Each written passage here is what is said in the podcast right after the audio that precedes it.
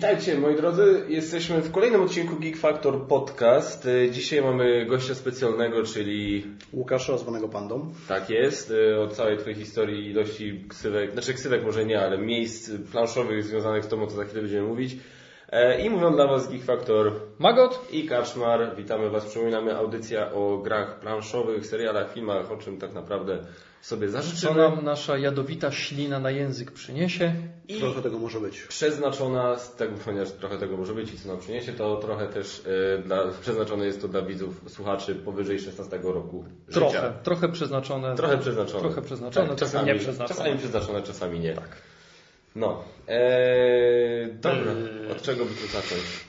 Ja jestem, właśnie, skoro już y, przedstawiłeś naszego gościa, to ja zacznę od tego, bo mnie to w sumie zaciekawiło, bo to fajnie brzmi, Board Game Panda. Skąd, dlaczego panda, a nie Board Game Bawu, Board Game, nie wiem, Krokodyl, Board Game Bubr. Pchła, Bubr. Bubr był fajny, to mi się podoba nawet. Board game, bubr. Board Game board game Bubr. bubr, albo board game, no nie, board game Board beaver. Game- Ale Board Game Bubr byłoby takim dobrym łamaczem językowym. Bo- Board game beaver to też fajnie tak brzmi, tak faktycznie, nie? Show Board me- Game Żuk Gnojarz na przykład Show, mogłoby też show me your board games beaver collection. Board Game Glista Ludzka. Board Game Tasiemiec, że wchłaniasz, wchłaniasz po prostu gry To całe jest sobą. nawiązanie do tych e, wiele ilości ksywek, o których mówiłeś Tak, na tak, początku. Co tak, mówili tak. kiedyś na Ciebie Tasiemiec?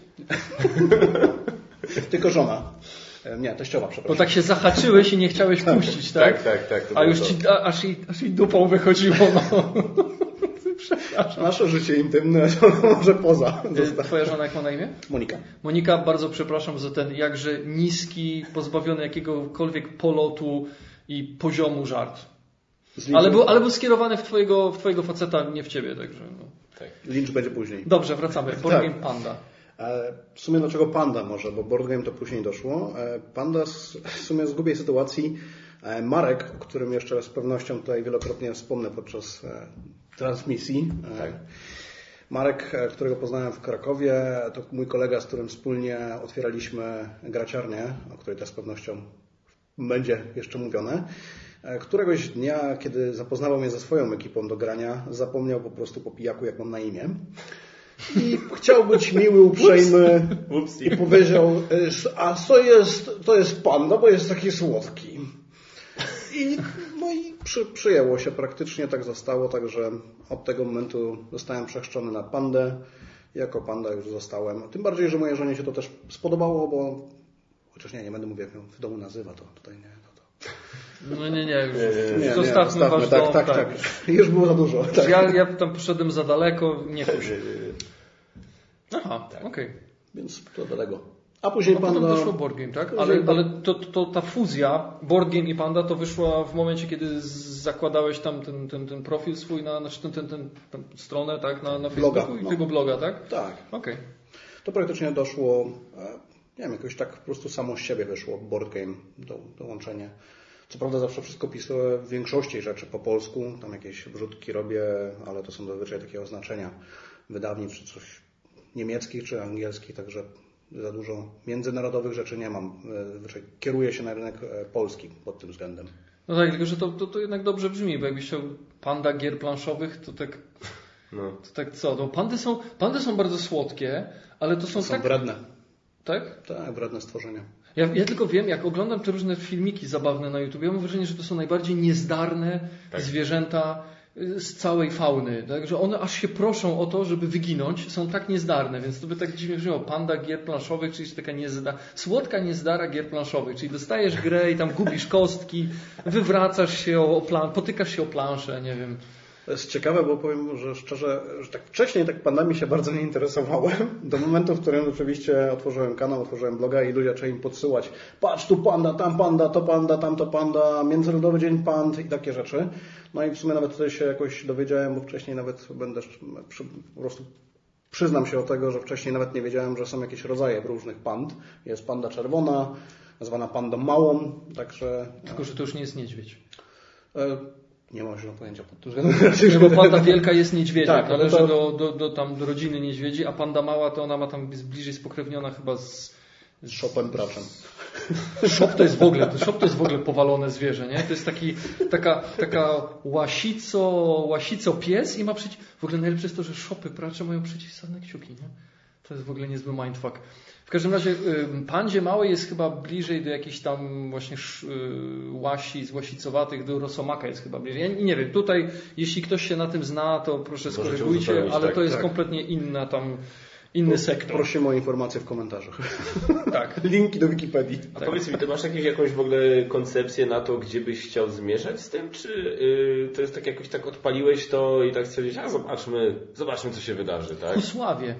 Nie, bez sławy. To praktycznie robię dla, poniekąd dla siebie, jako swój, swoisty może pamiętnik e, planszówkowej przygody. Bo w planszówkach trochę już siedzę praktycznie i trochę już e, lat za sobą mamy, rozgrywek tym bardziej, e, gier rozegranych i po prostu w pewnym momencie stwierdziłem, że może gdzieś tam w pewnym momencie fajnie było to jakoś trochę dokumentować. Co prawda żadnych recenzji nie popełniam. Czasami dla Angry Board Gamera skromne jakąś polecajkę po prostu opisując jakiś tytuł, ale to nie, recenzją na pewno, z pewnością tego nie nazwał. A tak poza tym to po prostu staram się pokazywać, jak fajne są planszówki po prostu. I na tym, na tym blogu po prostu kieruję się głównie tym, żeby pokazywać, jak fajnym jest to hobby, jak dużo zabawnych rzeczy jest z nim związanych. Bo to nie tylko po prostu zabawa przy stole, to jest też dużo rzeczy, które się dzieje dookoła tego wszystkiego. No właśnie, to jest coś, coś co można na, na Twój temat, powiem, zauważyć, wiesz, już jakbyśmy się poznali po raz pierwszy tam przy okazji właśnie jeszcze zanim się graciarnia otworzyła. Myśmy... Ale opowiemy o tej historii, nie? Bo to jest fajna historia. Tak, tak, tak, ale w sensie, że jedna z, jedna z rzeczy, którą widać jakby po Tobie, już mówię, no nawet nie tylko Twojej twórczości, ale prywatnie jak się z Tobą spędza czas, że właśnie jesteś takim kłębkiem po prostu pozytywnej energii, tak, że Tobie nie zależy, wiesz, jakbyś wyznawał bardzo mocno tą babciną zasadę, jak mówić to dobrze, jak mówić źle to wcale, to jest na tej zasadzie, wiesz, że po prostu Ty nie hejtujesz, nie krytykujesz, Ty zwracasz uwagę jakby na same pozytywne aspekty, pozytywne rzeczy w tym hobby. Czy to jest jakoś... Jesteś ogóle- taki niepolski pod tym względem. Bardzo jesteś niepolski. po Może właśnie, no to dobrze Germańska koresponduje z... Nie, to też nie. To już w ogóle. Byś, byś wybił wszystkich swoich tam hejterów. Natomiast to dobrze koresponduje z angielskim, e, z angielską nazwą twojego bloga, tak? I niejako twoim pseudonimem artystycznym Board Game Panda, czyli Board Game, yeah! Boże, pobłogosław Amerykę i gry planszowe, tak? Fajnie, super. I małe, słodkie zwierzęta. Tak, znaczy no pandy nie są takie małe, ale... Nie. Wiesz, my też mamy angielską nazwę w sumie, wiesz, nie nazwaliśmy tego czynnik geeka. Czy nie, Jezus. Tak, bo to brzmiało jak te, te, te takie audycje, był taki program tam coś o Tak. tych zjawiskach nadprzyrodzonych, taki bardzo cringy.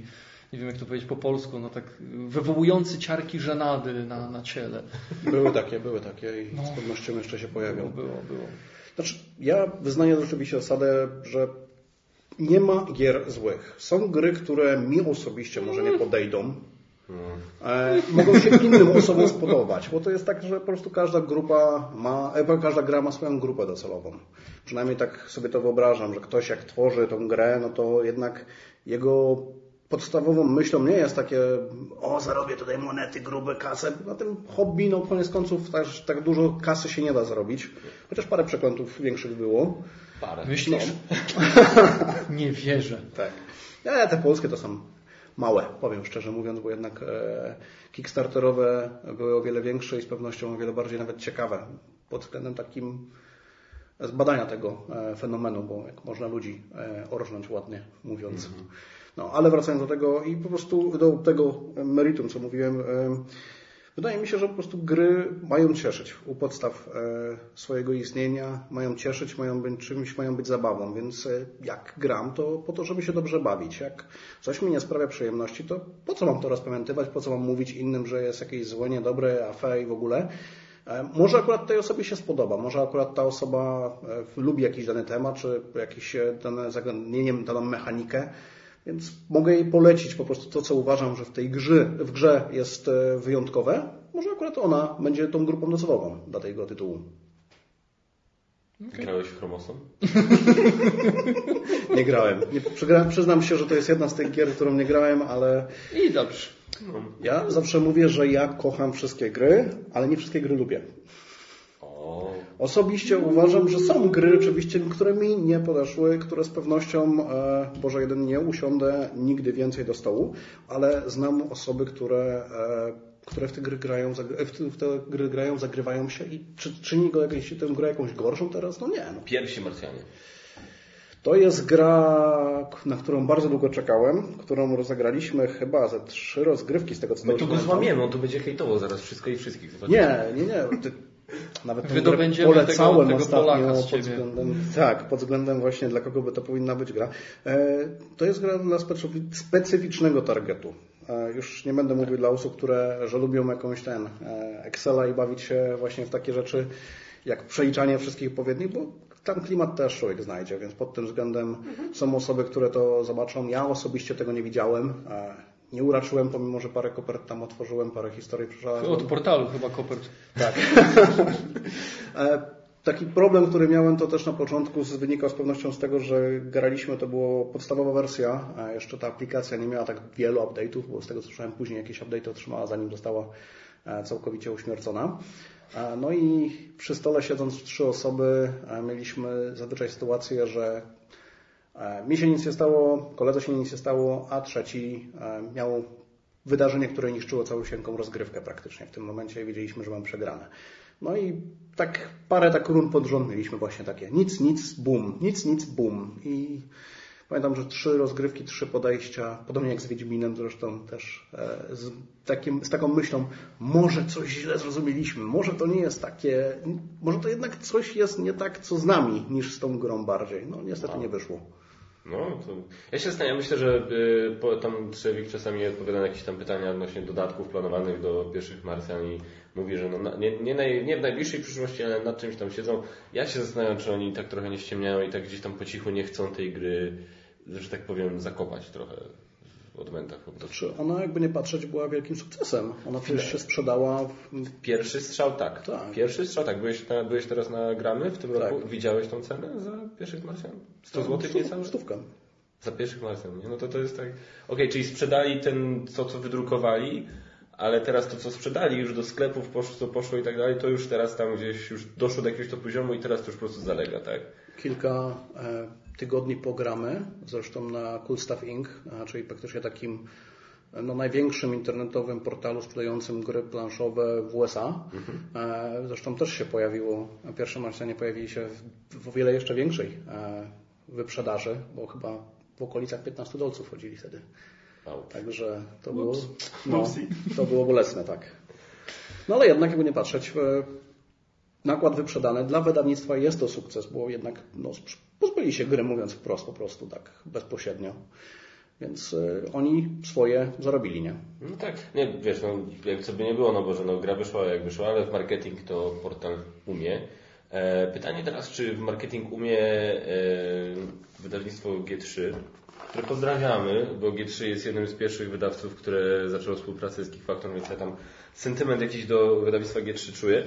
Natomiast ostatnio, że tak powiem, e, zabłysnęli e, tłumaczeniem gry. Pamiętasz, jakie, jakie było to tłumaczenie prima aprilisowe? E, Szynka, knebel, czekaj, e, gan szynklewa, czyli e, glans, e, szynka, knebel. Glans, szybka, knebel.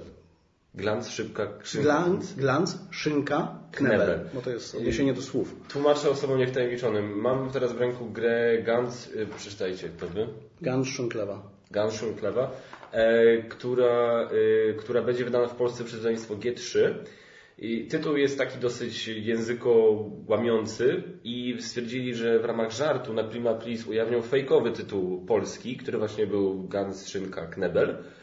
E, Ludziom wbrew, pomimo tego, że był to celowy, ewident, ewidentny zabieg prima aprilisowy, ludziom się ten tytuł nawet spodobał. No bo się odnosił w sumie do postu wcześniejszego praktycznie, w którym właśnie zapytali ludzi, no to jak powinien, powinna się gra e, nazywać, jaki powinien być tytuł. I rzeczywiście ludzie zaczęli wrzucać po swoje pomysły. Nie pamiętam kurczę kogo to był, czy to przypadkiem nie było Rafała nawet, nie było przypadkiem Power Milka właśnie ten pomysł e, z, z, z Gland Szy- Szynka Knebel. Nie jestem pewien, ale wydaje mi się, że coś Jeżeli właśnie... tak, to Rafał Szapoba, bo naprawdę mi się szczerze, mi się też ten tytuł spodobał, Agaty, Agacie Zacerty też się ten tytuł spodobał. I teraz, bo tak właśnie rozmawiałem z nią o tym ostatnio i teraz to się okazał żart, znaczy w sumie było wiadomo, że to jest żart, bo pokazali to Prima Aprilis chociażby, ale potem niedawno ogłosili oficjalny tytuł tego. Oficjalny tytuł, czyli Rzuć na tacę. Rzuć na tacę. I to jeszcze byłoby pół biedy, tylko że oni do, do, Trzymasz się, tak? Rzuć na tacę. I teraz wiesz, to jeszcze byłoby pół biedy, ale Ogłosili tego... to w niedzielę. Nie. Y, Nie, nie, ale dodali do tego trzy takie hasła marketingowe. Najgorsze pierwsze było, pierwsze, e, pierwszym hasłem było właśnie jedyna taca, na którą warto rzucić. Tak. I tu jest, tak jak mówię, tak jak jeszcze sam tytuł rzuć na tacę, Ajajaj. jest jeszcze No, już tak już bardzo, bardzo. blisko, blisko tej bandy. Ja myślę, że nawet już za bandą, w sensie za, przekraczające granice, ale jeszcze na tyle, żeby to przeszło. Natomiast ten hasło, że jedyna taca, na którą warto... I teraz, bo wiadomo, no, mój, stosunek, mój stosunek do religii jest w miarę... Ale poczekaj, poczekaj, bo to teraz nie rozumiem. To co było jeszcze przed bandą, a co było po bandzie? Tytuł był przed bandą, Nie, nie, nie, tytuł był już, był już po bandzie, tak? W sensie tytuł już, już, już przekroczył granicę, ale jeszcze w takim stopniu, że tak powiem, że mimo wszystko by to gdzieś przeszło. Natomiast jak dołączyli do tego to dodatkowe hasło, no to to już całość, to, to trochę No, rozwaliła no, tego. dobra. no. Tym bardziej, że później w komentarzach praktycznie napisali, że w sumie z Kościołem to, to nie ma nic wspólnego. Nie, W sumie. Tak, że to nie, oni nie, nie mieli na celu praktycznie tego, żeby tych, e, tych konogacji, tych powiązań, żeby nie istniały jakieś takie właśnie odniesienia. I ktoś wspomniał, no ale ten pierwszy, wasze pierwsze hasło chyba to trochę neguje, tak jakby No. nie patrzeć, nie? No i później już był, była cisza pod tym Już nie komentowali dalej. Nie. A wie- a to się dalej chyba jakoś nie rozwinęło, w sensie nie było żadnej zmiany tytułu ani nic. Na razie na chwilę obecną Na jest- chwilę obecną dalej jest rzuć na tacę. Okej, ale jeśli dobrze zrozumiałem to, co było przed chwilą powiedziane, że to nie było jedyne hasło reklamowe. To Nie, tam były dwa, dwa inne były neutralne bardzo. Aha, okej, ale- dobrze. Myślałem, że te dwa to jeszcze podnosiły E, poprzeczkę. nie, Nie, nie, nie, nie, nie, nie. Trzecie, z tego co pamiętam, to było, że gra uzależnia. E, Bo to jest w sumie, to jest oczywiście, to jest, to jest ten, e, Jakby- to jest hasło, które rzeczywiście tą grę powinno promować według mnie, bo ona rzeczywiście jest uzależnia- uzależniająca i to... Jakby się temu przyjrzeć, to rzucanie na tacę pewnie też może uzależnić. Ale y, tu mnie zastanawia, czy, czy, czy Tego, te... który niesie tą tacę. E, o czym jest ta gra? O rzucaniu kośćmi. Skąd, ale czy, czy, czy, według ciebie, czy według Ciebie Was ma uzasadnienie tytuł Rzuć na tacę, czy to jest Tam taki się- przykład, jak się u nas tłumaczy w- tytuły filmów? Tam się kośćmi rzuca, yy, rzuca na tacę, tak? Yy, Tutaj dla widzów, a nie słuchaczy wyjmuję teraz... Wow, żeś już sobie to trochę pograł, panie kolego. Oj, panie, na Od kiedy ty to masz? No, zanim to kupiłem, to na komórce miałem rozegranych 120 partii, także swoją drogą jeszcze A, czyli to naprawdę jest dobra gra. To jest niesamowicie wciągająca gra przede wszystkim. To jest po prostu coś, co naprawdę jest uzależniające. I to ze względu na em, komba. Po prostu mówiąc prosto właśnie komba, które w tej grze są. A to jest jedna e, punktacja uruchamia drugą, jedno pole aktywuje kolejne. Tu jest tyle możliwości kombinowania, tyle możliwości zabawy tym pomiędzy tymi poszczególnymi rodzajami kostek, które odpowiadają właśnie e, rodzajom e, pól na, na, tej, na tych kartkach, no w sumie dla widzów bardziej to, bo to są takie, każdy dostaje taką karteczkę, na której właśnie sobie rozpisuje e, odpowiednie kostki w odpowiednich kolorach e, po rzucie, dobierając odpowiednią kostkę. E, Okej, ja tak To mówię- co, kończymy podcast i gramy?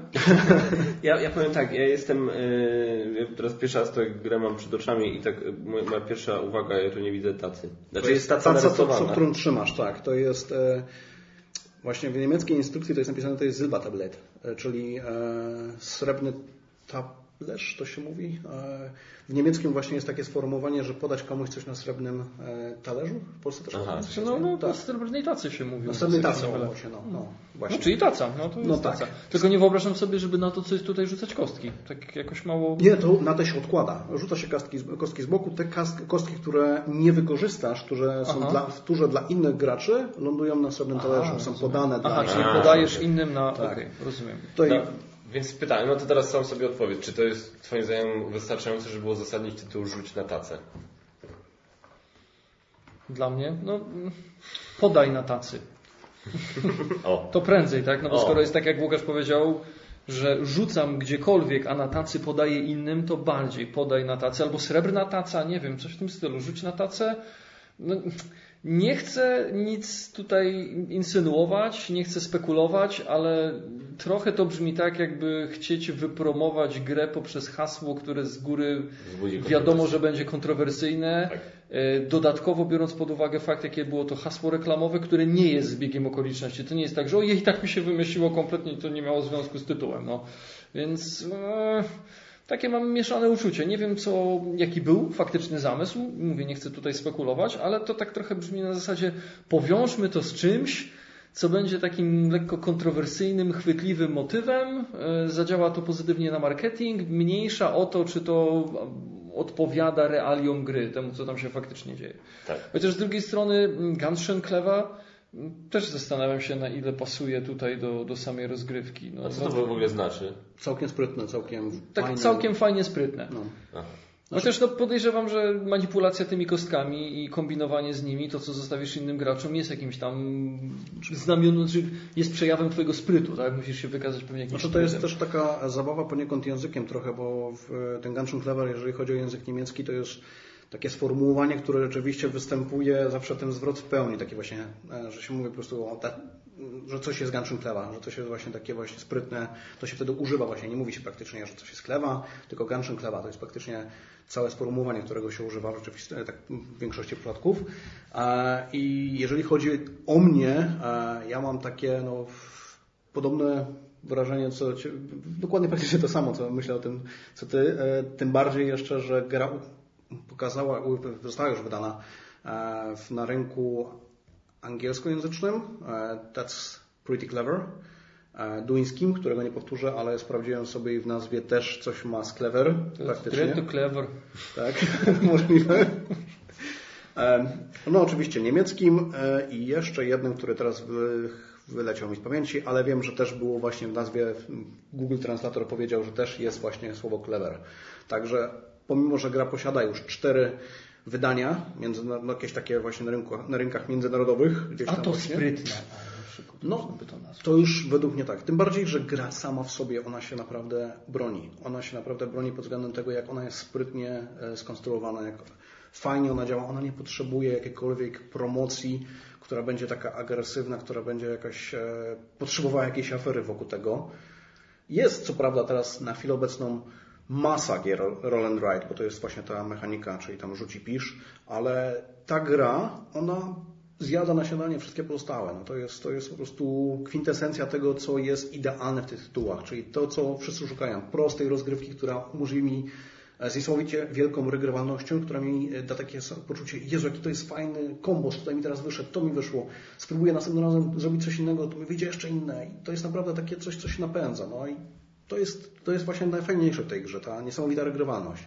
I jeszcze jedna rzecz, o której wspomnę, druga część. To jest coś jak e, z polskim tłumaczeniem Szklanej Pułapki. Szklana Pułapka tu praktycznie w polskim tłumaczeniu odnosiła się do pierwszej części. No, do wieżowca, tak. Do wieżowca, tak. A tutaj em, no, ciekawe jak sobie poradzą, bo pojawiła się już druga część, następ, e, następca właśnie Gunshot Clewa, który e, nazywa się Doppelzoklewa, czyli podwójnie tak sprytne, który też jest taką zabawą językową praktycznie. Rzuć na tacę dwa razy więcej. To już hasło wiemy kogo, tak. Dorzuć na tacę. Dorzuć na tacę właśnie. Daj w kopercie. Taca 500 plus. No tak, no to teraz właśnie, właśnie ale to jest takie ciekawe, nie? Że... Ale powiem Ci, nakręciłeś mnie na to, żeby w to zagrać chociaż raz. To Naprawdę. jest naprawdę bardzo, jeden z fajniejszych... czas rozgrywki jaki jest? To jest, pierwsza rozgrywka jest około pół godziny. Z tego względu, że rzeczywiście trzeba ogarnąć e, wszystkie te kości. Ich pomimo tego, że to są tylko parę kolorków, to jednak trzeba zrozumieć się ikonografię. E, Kolejne 5-10 minut. To jest naprawdę cyk, cyk, cyk. To jest niesamowite. A na aplikacji ja już chyba poniżej e, dwóch minut. Także w przejeździe od Gdynia Orłowo do roboty, czyli 15 minut, to 4-5 rozgrywek. Na spokojnie. Mhm.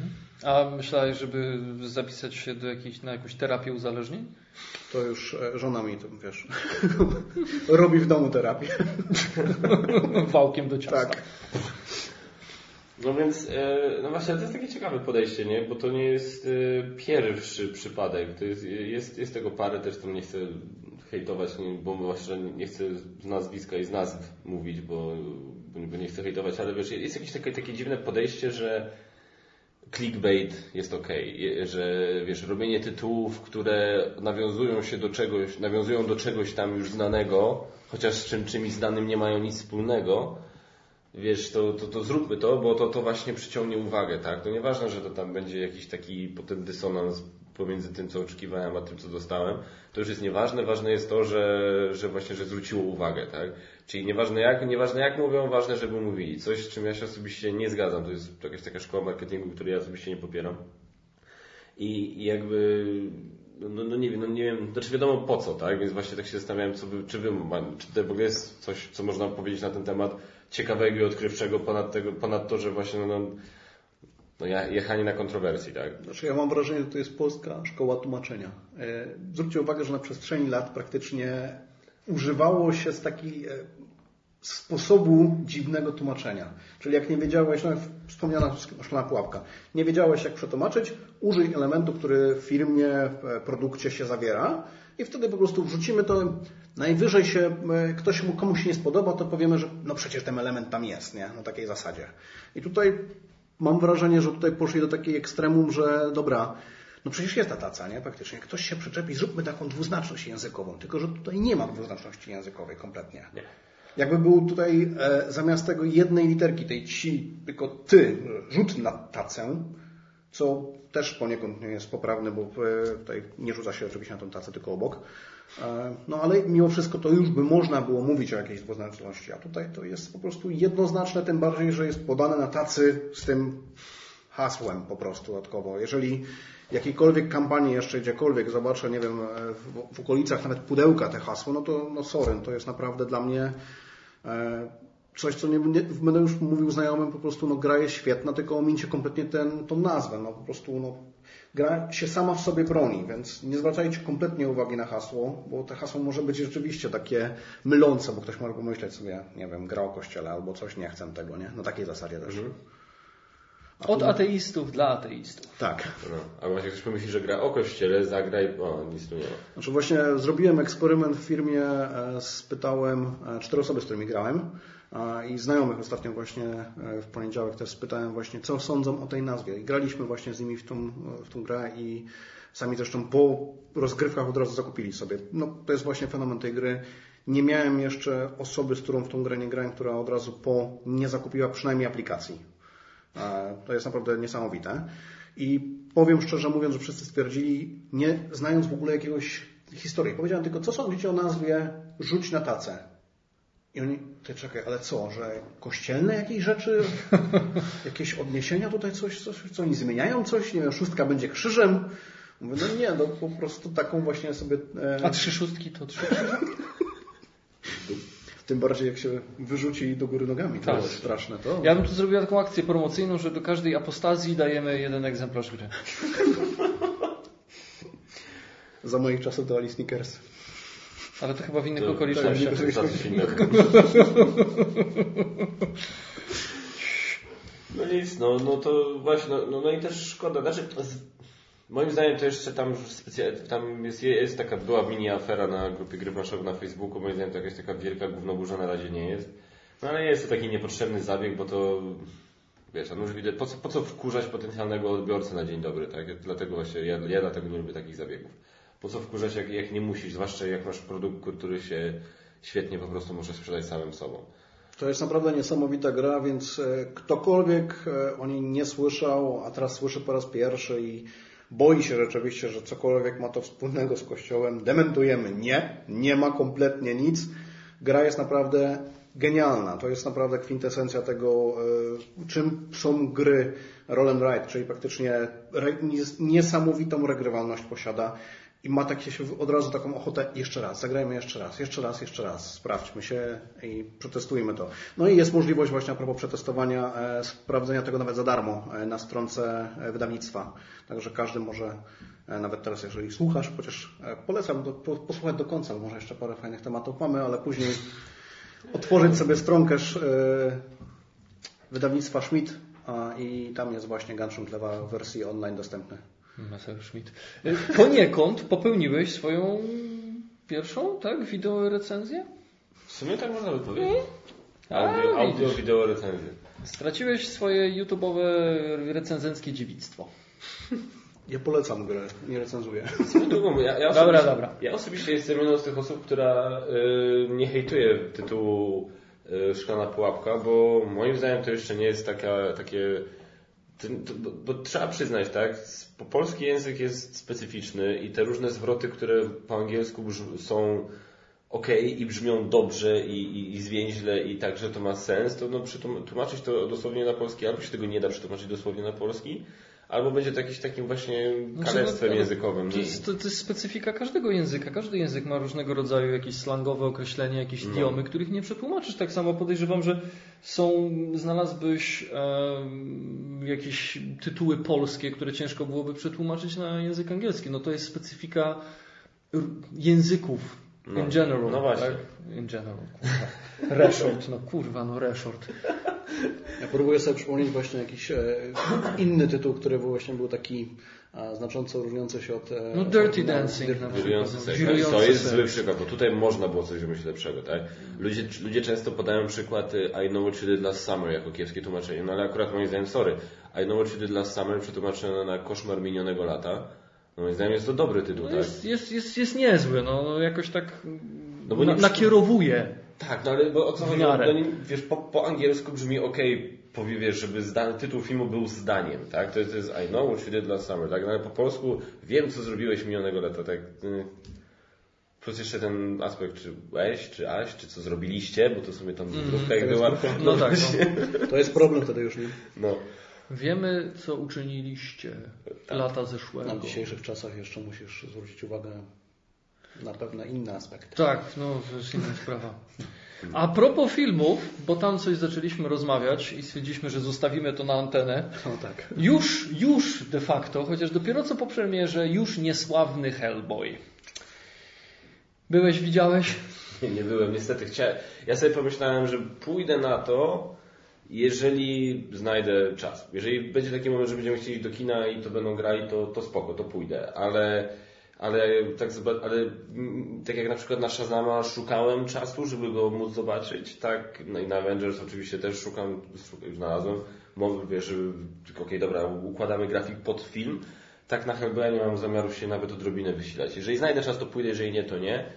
E, Bo jednak, wiesz, słyszałem dużo y, takich głosów od ludzi, że Hellboy, wiesz, on nie jest taki tragiczny, tak? Że okej, on jest słaby, że w porównaniu do poprzednich zwłaszcza, ale nie jest, to nie jest dno totalne podobno, tak?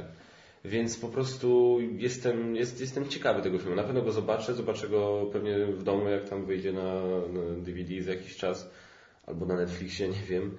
E, Ale, ale do kina się raczej na to wybierać nie będę. Bo... Przecież to jest może znak właśnie, że nie jest aż tak tragiczny, bo Netflix nie wykupił do niego praw. Pod tym względem może to dobrze świadczyć. Ja też jeszcze nie widziałem. Też Ale wybierasz się. Wybieram się, wybieram się już od pewnego czasu. E, trochę jak Kaczmar właśnie też e, powiem szczerze mówiąc, chociaż inaczej. Zacznijmy od tego, że jestem wielkim fanem komiksów. Uwielbiam oryginalnego Hellboya, zarówno komiksowego, jak i ekranizację genialną e, pana Del Toro. Po prostu jest Szaboba, to co stworzył, ten cały świat, to jest niesamowita postać. W ogóle, e, no teraz aktor mi Ron. Perlman. Dokładnie, dziękuję. Permana właśnie idealnie. On nie potrzebował praktycznie makijażu. Po prostu pod tym względem on Tylko do tego wydaje mi samo się- opalacza i... Tak. Ja mu chwilę, chwilę przed dali po prostu zapalić cygaro i on po prostu sam się opalił, wydaje mi się, pod tym względem. No. Więc e, to naprawdę genialny, genialny twór sam w sobie. E, Tutaj e, no, ten aktor też nie przypomnę sobie. David Harbour. Dziękuję Ci bardzo. Znaczy, żeby nie było, ja też wiem, tylko Kaczmar, Kaczmar tylko na to czeka, żeby Łukasz nie pamiętał nazwiska, albo ja i on już, już ma, już ma. Tak, on, tak, już, tak. już, on nawet nie słucha, co ty mówisz, On on tylko czeka. na. Ale prawda jest taka, że to Mago, Mago z naszej dwójki ma lepszą pamięć do tych rzeczy. Ja powiem, że pamiętam twarze, pamiętam w czym grali, ale nie, strasznie mam problem z zapamiętywaniem nazwisk właśnie aktorów. Czyli ty jesteś tą osobą, która mówi, że ten film z tym aktorem, no, co grał z tamtym, ale tamten był taki Ja sobie. powiem, że tak... Nie, ja będę Ci mówił cytaty z filmu pod tym względem. Jestem właśnie, lubię właśnie zapamiętywać cytaty, także pod tym względem, w szczególności jak film jest dobry, to e, mam do tego pamięć. A taki cytat, wypierdala. To chyba z większości filmów polskich. No, ale taki najbardziej charakterystyczny. A to pan ten, Cezary Pazura. Eee. Mój dziekan. E, Jezus, to było ten, wypierdalaj, J na końcu. Nie, e, znaczy... Nie, ale Z Cezarem, Paz- z Cezarem Pazurą, co było e, z tego, e, I love you, przepraszam, mi się z tym pomieszało. A ja mówię o czym innym. No właśnie, a tu mówisz o... Ale tam Pazura był niedaleko. Był- był- był w tym filmie, Był no. w tym filmie. Że No. to ja mi się właśnie ten, ale co pan coś właśnie na tego Bogusław słowa. Linda. I też miał parę Psy. Psy, no Też miał dobra. parę kultowych tekstów. No dobra, no to... Nie, Ale pomyśl... wracając do Hellboya. wszystko przez to, że dzisiaj właśnie gadaliśmy o, e, w pracy o I Love You, bo koleżanka powiedziała, że jest z Łodzi. Łódź i wszyscy No tak. Także... I dlatego mi po prostu to utkwiło w pamięci jakoś. I mówisz, ale, czyli mówisz, że też, że jakkolwiek jesteś fanem Davida Harboura, to... Tak, e, to jednak e, jakoś strasznie zwlekam, tym bardziej, że pojawiły się już e, pierwsze recenzje. Parę osób, które nam rzeczywiście śledzę od strony z recenzenckiej strony filmowej. I tak powiem szczerze mówiąc, no, nie za bardzo przychylnie, aczkolwiek właśnie w większości tych recenzji pada jedno zdanie, e, że jeżeli chodzi właśnie o aktora, to jest postać naprawdę bardzo fajnie stworzona. No tak, ale to jest, wiesz, to jest takie, takie mówienie, żeby się, żeby, wiesz, żeby się gościu nie załamał, żeby ludzie nie, nie przestali oglądać Stranger Things i tak dalej, ale no, no to to wiesz, koniec końców to myślę, dla, ja, ja, mi, mi jest szkoda Daniela Day-Kema, bo to jest aktor, którego bardzo lubiłem, grał w, w Lost, w moim ulubionym serialu wszechczasów i wiesz, ja się tak zacząłem, że on tam zagra i tak zobaczyłem potem po trailerach, że to w sumie nie mała rola chyba jest, to się ucieszyłem, że o fajnie, bo fajny aktor, lubię go, fajnie, że coś tam zaczyna ciekawsze rzeczy robić, no nie, nie są ciekawsze, ale i tu się sprawdziła też przy tym filmie taka niestety przykra teoria, że generalnie w Stanach funkcjonuje to w taki sposób, że jak film wychodzi, to ma jakąś tam taką swoją e, ma taki swój pokaz dla prasy, tak? Jest to, to jakaś taka premiera, że jest prasa właśnie, która może tam popełnić wtedy sobie to, to obejrzeć, może popełnić recenzję i jest wtedy narzucane im takie embargo. E, I to embargo polega na tym, że wcześniej to embargo polegało tylko, było tylko na to, było, była w nim tylko mowa o tym, kiedy mogą opublikować recenzję względem premiery. Na przykład nie możecie Najwcześniej możecie to opublikować 3 dni przed premierą, tak? Albo 5 dni przed premierą, albo coś takiego. Teraz, ponieważ mamy social media i tak dalej, no to doszło jeszcze do tego, y, do, do, doszedł dodatkowy element, którym są tak zwane reakcje, czyli okay, recenzję możecie dać tydzień przed, natomiast reakcję możecie dać od razu po wyjściu z tego pokazu, czyli na przykład 3 tygodnie przed e, premierą, tak? E, Shazam był, był jakby był w ogóle ewenementem, bo oni chyba w ogóle te reakcje zrobili miesiąc z hakiem przed premierą filmu. I to jest wyznacznik też, to się zrobił z tego taki wyznacznik, jak bardzo studio wierzy w produkt, w film. Jeżeli masz to embargo nałożone na, wiesz, dzień przed premierą albo w dzień premiery możesz dopiero publikować, to znaczy, że o, Coś nie tego. coś jest nie halo chyba. No to jeżeli, ale jeżeli masz taką, w drugą stronę, jak masz taką akcję właśnie jak z Shazamem, tak, gdzie oni mówią spoko, jest jeszcze półtora miesiąca do premiery, ale wiesz, no ci studio, ci szefowie studia siedzą tam i widzą reakcję tych dziennikarzy, widzą, że się śmieją, widzą, że coś tam. Mówią, spokojnie, chcecie, możecie już teraz, wrzucajcie te tweety i tak dalej, wrzucajcie to od razu, że wam się podobało, nie? I wyszła, nie? I cała fala po prostu, że Shazam zajebisty. Swoją drogą byłem wczoraj, potwierdzam, świetny film. Eee, bardzo dobrze się bawiłem. No i właśnie wiesz, a Hellboy po prostu cisza, zero reakcji, wiesz, ja tak patrzę dwa dni przed premierą, patrzę na Rotten Tomatoes, mówię, kurde, no nic nie ma, nie? I w końcu, i tak mówię, to chyba, chyba wiadomo co będzie i potem właśnie zresztą jeden z naszych widzów, Łukasz, to nam podrzucił, że 10% eee, i, i tak, tak, tak, jest 10% pozytywnych, average rating w okolicach chyba czwórki czy coś takiego. O kurczę, to mocno. No, no to dostał, dostał po obie, nie? I to jest właśnie, i, i, to, i zresztą co się okazało, to nawet nie była kwestia embargo, bo wszedłem na kanał naszego, jednego z moich, przepraszam, ulubionych youtuberów re- filmowych, czyli Jeremiego Jonesa. Właśnie zaczął od tego, nie wiem, czy widziałeś jego recenzję, Hellboya? No wiesz, ja Jansa nie oglądam, bo, bo go po prostu nie lubię, dlatego... To on zaczął od tego, że nie, teraz nie pamiętam gdzie on jest, chyba, on chyba mieszka w Cleveland, on jestem pewien. I tak zaczyna tą recenzję od, a więc, nie było pokazu prasowego w Cleveland. Ups, coś takiego, tak, że that's not good.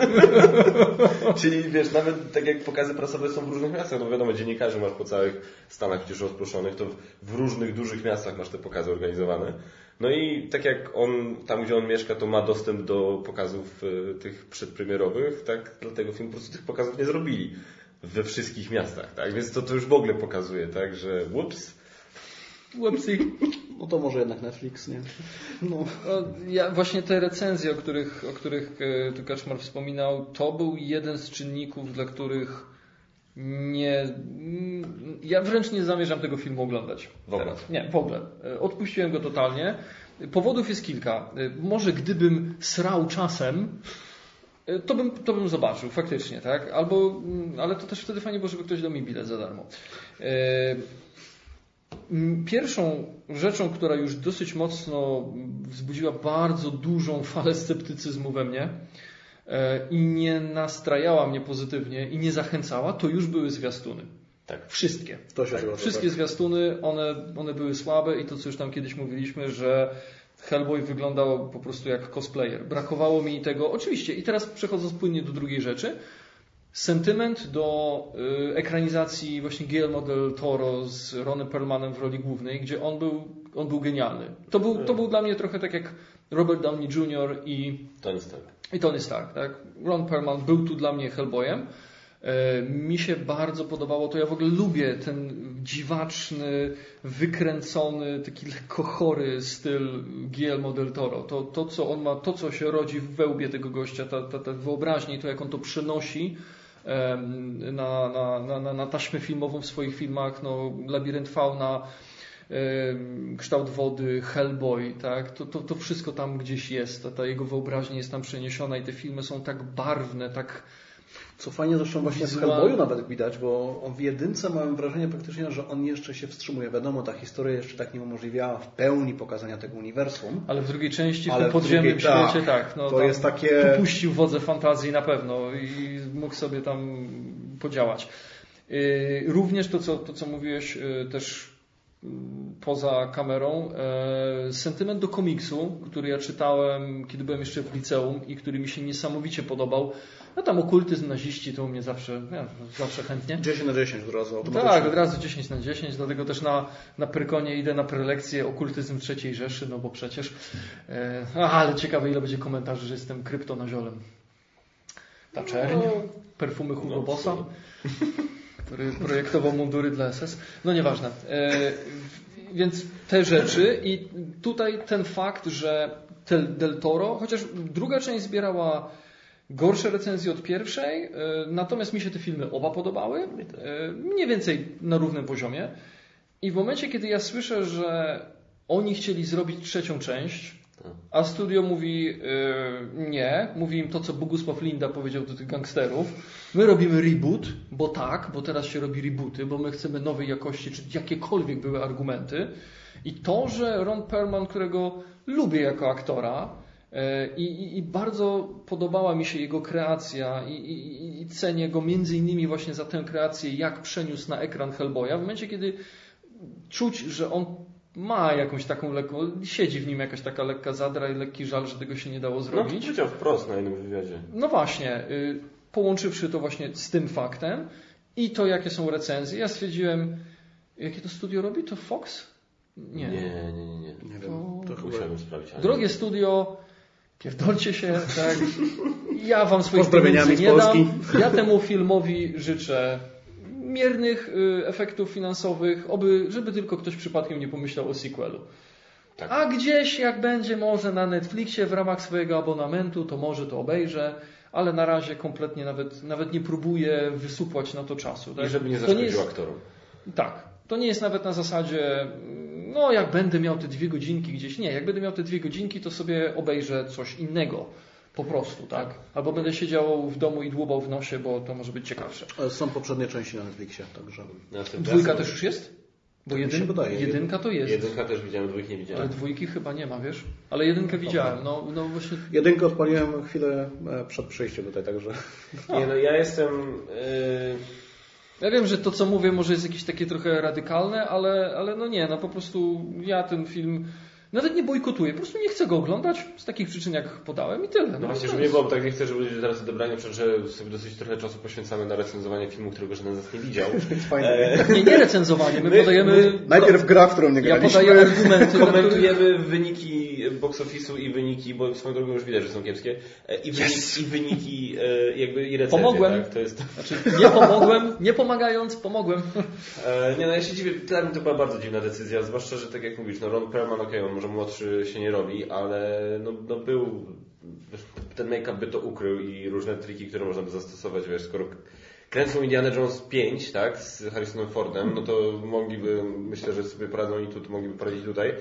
Ja nie wiem, czy chcieli, okej, okay, ja się zgodzę, że faktycznie Hellboy to jest materiał, który no, się prosi o kategorię wiekową R. On się o to Tak, prosi. to To jest jedna rzecz, którą podejrzewam, można by potraktować jako zarzut do pierwszych dwóch części, ale, ale po prostu, y, wiesz, no to okej, to zróbcie trzecią część w kategorii, wiesz, nikt się nie obrazi, że nagle, wiesz, że nagle zrobiliście trzecią część, inną kategorię wiekową, tak? Czy to jest, to, to, to po prostu nie rozumiem tej decyzji, tak? Neil Marshall, świetny reżyser, zrobił po prostu, wiesz, no i ten film, e, zarówno Dog Soldiers, jak i Jaskinia, to są kapitalne filmy, naprawdę, takie małe majstersztyki. Jezu, to jest, Dog Soldiers jest niesamowite. jest po prostu ge- genialne, po prostu jak on go próbował uśpić i go walił i nie mógł, walnął go raz, ten come on you fucking pussy, nie taka perełka praktycznie. Nie, no jest genialne, jest tekściarstwo po prostu niesamowite, jak ten, jak go ten wilkołak bierze, nie, hope I give you the fucking shit. I, I jest po prostu taki typowy, wiesz, jak właśnie brytole robią w horror wilkołakach, nie? I po prostu banda brytoli, która wrzuca wilkołakom podczas gdy ci ich zeżerają. Ale nie, naprawdę. I, i, i, i wiesz, jakby, ale wiesz, to nie jest tak, że nagle, wiesz, po prostu ja nie potrafię zrozumieć, to nawet hasło finanse nie, nie tłumaczą mi, tak, że to jest jakiś skok na kasę, nie tłumaczy mi tej decyzji. Nic, to tak jest to jedna z najbardziej, zrobienie tego rebootu jest jedną z najbardziej niezrozumiałych dla mnie decyzji chyba, które ostatnio widziałem. Bardziej niż kurwa No więc niech Hellboyowi ziemia lekką będzie, a my przechodzimy do głównego już chyba tematu. A jeszcze chcieliście pogadać o planszowym Grand Prix? A, tak. tak. A, ale to nie, bo to trzeba będzie hejtować innych tam youtuberów, recenzentów, gry. Najlepsza gra planszowa. E, Bo nie rozmawialiśmy o wynikach planszowych Grand Prix jeszcze na, e, na antenie i e, tam dwa słowa reakcji były na Facebooku ze względu na nasze tam osiągnięcia w tym plebiscycie, a to za chwilę. E, najlepsza gra planszowa. O to chodzi. Ogólnie. Detektyw, kryminalna gra planszowa. Mm, nie. Grałeś? Tak, no, panie, no jakby nie pan. Nie, nie była to moja ulubiona gra zeszłego roku, ale Topkę nakręciliśmy. Ja za mało grałem yy, na pewno, ale nawet podejrzewam, że gdybym dużo grał, to ni hu hu. A co tam było na kolejnych miejscach? Azul, Rising Sun, Valhalla i Valhalla i Brzdęk. Brzdęk super. Znaczy powiem Azul tak o, jeżeli chodzi o ogólnie, em, podchodząc do tego, jakie gry były nominowane przede wszystkim, bo w plebiscycie też brałem udział, e, też tam swoje głosy wysyłałem, nie wygrałem nic, niestety. E, no ale jednak jeżeli chodzi o to towarzystwo, które było na rynku polskim, no to detektyw, detektyw według mnie bardzo mocno się broni. No. Tak by nie patrzeć, on jest po prostu od paru stron jest e, tak innowacyjną grą, przede wszystkim grą, która potrafi zachęcić nowych ludzi do, do, do hobby. I to jest to, co według mnie jest taką kwintesencją najlepszej gry. Tak. Znaczy, ja szczerze mówiąc nie wiem, czy, czy, czy nubom dawałbym e, tego detektywa. Jakoś tak nie wiem, nie, nie jawi mi się on, może dlatego, że za mało w niego grałem, ale z drugiej strony już mechanikę znam. Jakoś nie, nie, nie widzę tej Mechaniki gry nie ma praktycznie, bo teraz w sensie od strony właśnie zasad. Tam No, masz... no dobra, no wiadomo o co mi chodzi, tak? Tak. E, Nie widzę tej gry jako coś, co dałbym komuś nowemu, żeby go wciągnąć w, w świat planszówek. Dla mnie to jest gra, która mogła być e, sprzedawana w każdym escape roomie jako kontynuacja waszej przygody, e, czy tam rozpoczęcie waszej przygody planszówkowej. Byliście w escape roomie, podobało wam się? Spoko. Weźcie jeszcze sobie tutaj, zobaczcie coś fabularnego, takie rozwinięcie właśnie pod tym Znaczy, względem. No. Wiesz co, tu nie, to, to, to, to, z, tym, z tym bym się raczej nie zgodził, że Escape Room, bo to jednak jest es, gra Escape Tales. Tak, Escape Tales, no jak tak, najbardziej, no dobra, tak, 100%, 100%, ale e, jeśli chodzi o detektywa, sam z, z Escape Roomem go aż tak bardzo nie łączył, natomiast nie, zgodzę się, że, że, trochę się z Tobą zgodzę, trochę nie, na zasadzie takiej, że ta gra moim zdaniem mogłaby trafić do nubów, do casuali tak zwanych, Mhm. jak najbardziej, bo tam ona mechanicznie jest żadna i tam po prostu czytasz to i robisz to, co ci każą Dokładnie. karty i ty sobie decydujesz, wybierasz, co chcesz zrobić. Ona jest banalna, jeśli chodzi o mechanikę. Natomiast nie, nie, moj, nie byłaby moim zdaniem dobrym gatewayem, bo nie ma za dużo gier tego typu i nie jest to, wiesz, ten system i, te, i, to, i to jak ta gra jest skonstruowana nie jest moim zdaniem dobrym odzwierciedleniem tego, co się dzieje na rynku obecnie, wiesz, co obecnie jest na topie, wiesz, no jakbyś, wiesz, o, podobał się detektyw, no to Coimbra. Nie wiem, no, I, I, jakby to dlatego tylko, nie? Że na zasadzie, ok, jest to fajna pozycja i moim zdaniem ludzie, którzy nie grają na co dzień sobie z nią poradzą, ale mimo wszystko to jest trochę co innego od tego, co jest jeszcze przynajmniej na topie, wiesz. Podobało Ci to? Ok, dobra, to spróbuj Sherlocka Holmesa, tak? Podobał Ci się Sherlock Holmes? To Escape Tales i tam może jakoś dalej kombinować. Time stories. Jakby miał, Time stories, jakby miał fana RPGów papierowych Mhm. przekonwertować na fana planszówek, to może bym mu podsunął detektywa, żeby, bo tam jest ta warstwa fabularna jest bardzo silna, Tak. ale powiązana z pewnymi już tam rzeczami, że masz planszę, masz te kosteczki, drewienka, masz te, te, te elementy, które się pojawiają fizyczne. No dodatkowo jest jeszcze ta aplikacja, no ale to też idzie nowe, więc tutaj może bym jakoś Znaczy, ja próbował, ale... pierwszą myśl, jeszcze w swojej ob- obronie swojej e, myśli, że tak powiem, jeszcze pierwszą myśl, którą miałem pod względem właśnie nowych graczy, to pomyślałem w szczególności o graczach komputerowych, tak powiem praktycznie, bo to jest coś, Aha. co może No. rzeczywiście ludzi wepchnąć w tą, nawet nie to, że popchnąć, wepchnąć po prostu w ten świat faktycznie, bo ludzie, którzy są zapoznani e, z grami komputerowymi, którzy e, pamiętają jeszcze właśnie stare przygodówki, jakieś tego rodzaju właśnie poniekąd takie właśnie ten, oni się oddają w detektywie. Oni się praktycznie potem oddają i fabularnie, i mechanicznie poniekąd, pomimo tego, że no, tam mechaniki no, prawie że nie ma, nie? No tutaj pod tym względem oczywiście to będzie się odbierać. No. A, a sama gra nawet jako system po prostu jest świetna, nie? I zobaczymy, jeszcze w LA nie grałem, ale Też jeszcze. no, zobaczymy jak to dalej się będzie rozwijać. Praktycznie, nie dokończyliśmy tego, jesteśmy tak bardzo, bardzo mi na tym zależy, ale strasznie lipa z czasem. RPG, RPGowców, wiesz, czym ja bym zawsze myślałem sobie chętnie próbował wciągnąć? Imperium atakuje. To jest moim zdaniem dla RPGowców, wiesz, gdzie masz ten w sumie takiego mistrza gry i masz, wiesz, i coś się dzieje w wiesz, co, co robicie, robimy to, ale dobra, stop, bo teraz robi się to, wiesz, na, na tej zasadzie tam, ja bym tam znalazł dużo powiązań z, z RPG. To z pewnością właśnie e, gry, w której ktoś jest właśnie takim pseudomistrzem gry prowadzi. Wtedy to oczywiście RPG. A, to jest ta gra, która jest dungeon crawlerem, tylko nie ma dungeonów, tak? Tak, tak, tak, Aha, dokładnie. No tak, tak, super, tak. Yy, najlepszy dodatek Sci Fenris powstaje, no sorry. No sorry, nie grałem, bo nikt mnie nie zaprosił na rozgrywkę. Jak nie zaprosiłeś go? Naprawdę? Nie. A wy tylko dwójkę graliście, nie? Nie, no, z Basią grałem. Z Basią, tak, tak, tak. Tak, tak, tak. Bo Właśnie... Przecież po części rozumiem, bo to żona, ale z drugiej strony, no... Nie, nie, problemem było tutaj to, że... Że jesteś mędą. Że dostaliśmy Fenrisa na bardzo krótki czas i mieliśmy chwilę dosłownie, żeby w niego pograć i po prostu dowiedziałem, że... Ty wiesz, jak długo do mnie SMS-y dochodzą? Stary, ja pierdolę, po prostu wysyłasz, to jest, to jest gorzej niż z Pocztą Polską, nie? I w dwie osoby całość w zupełności hulała praktycznie? Pod tym względem? Nie, dużo narzekał, ale stwierdził, nie, i tak go nie zaproszę. Trójkę rozpoczęliśmy. Opcji. W trójkę rozpoczęliśmy i teraz e, trudno się zgadać trochę. I tak się zastanawiam, czy bym wtedy To jest dalej... inna kwestia, nie? No, To jest, wiesz... E, najlepsza gra dwuosobowa Hero Realms, ja się zgadzam. Co tam jeszcze było?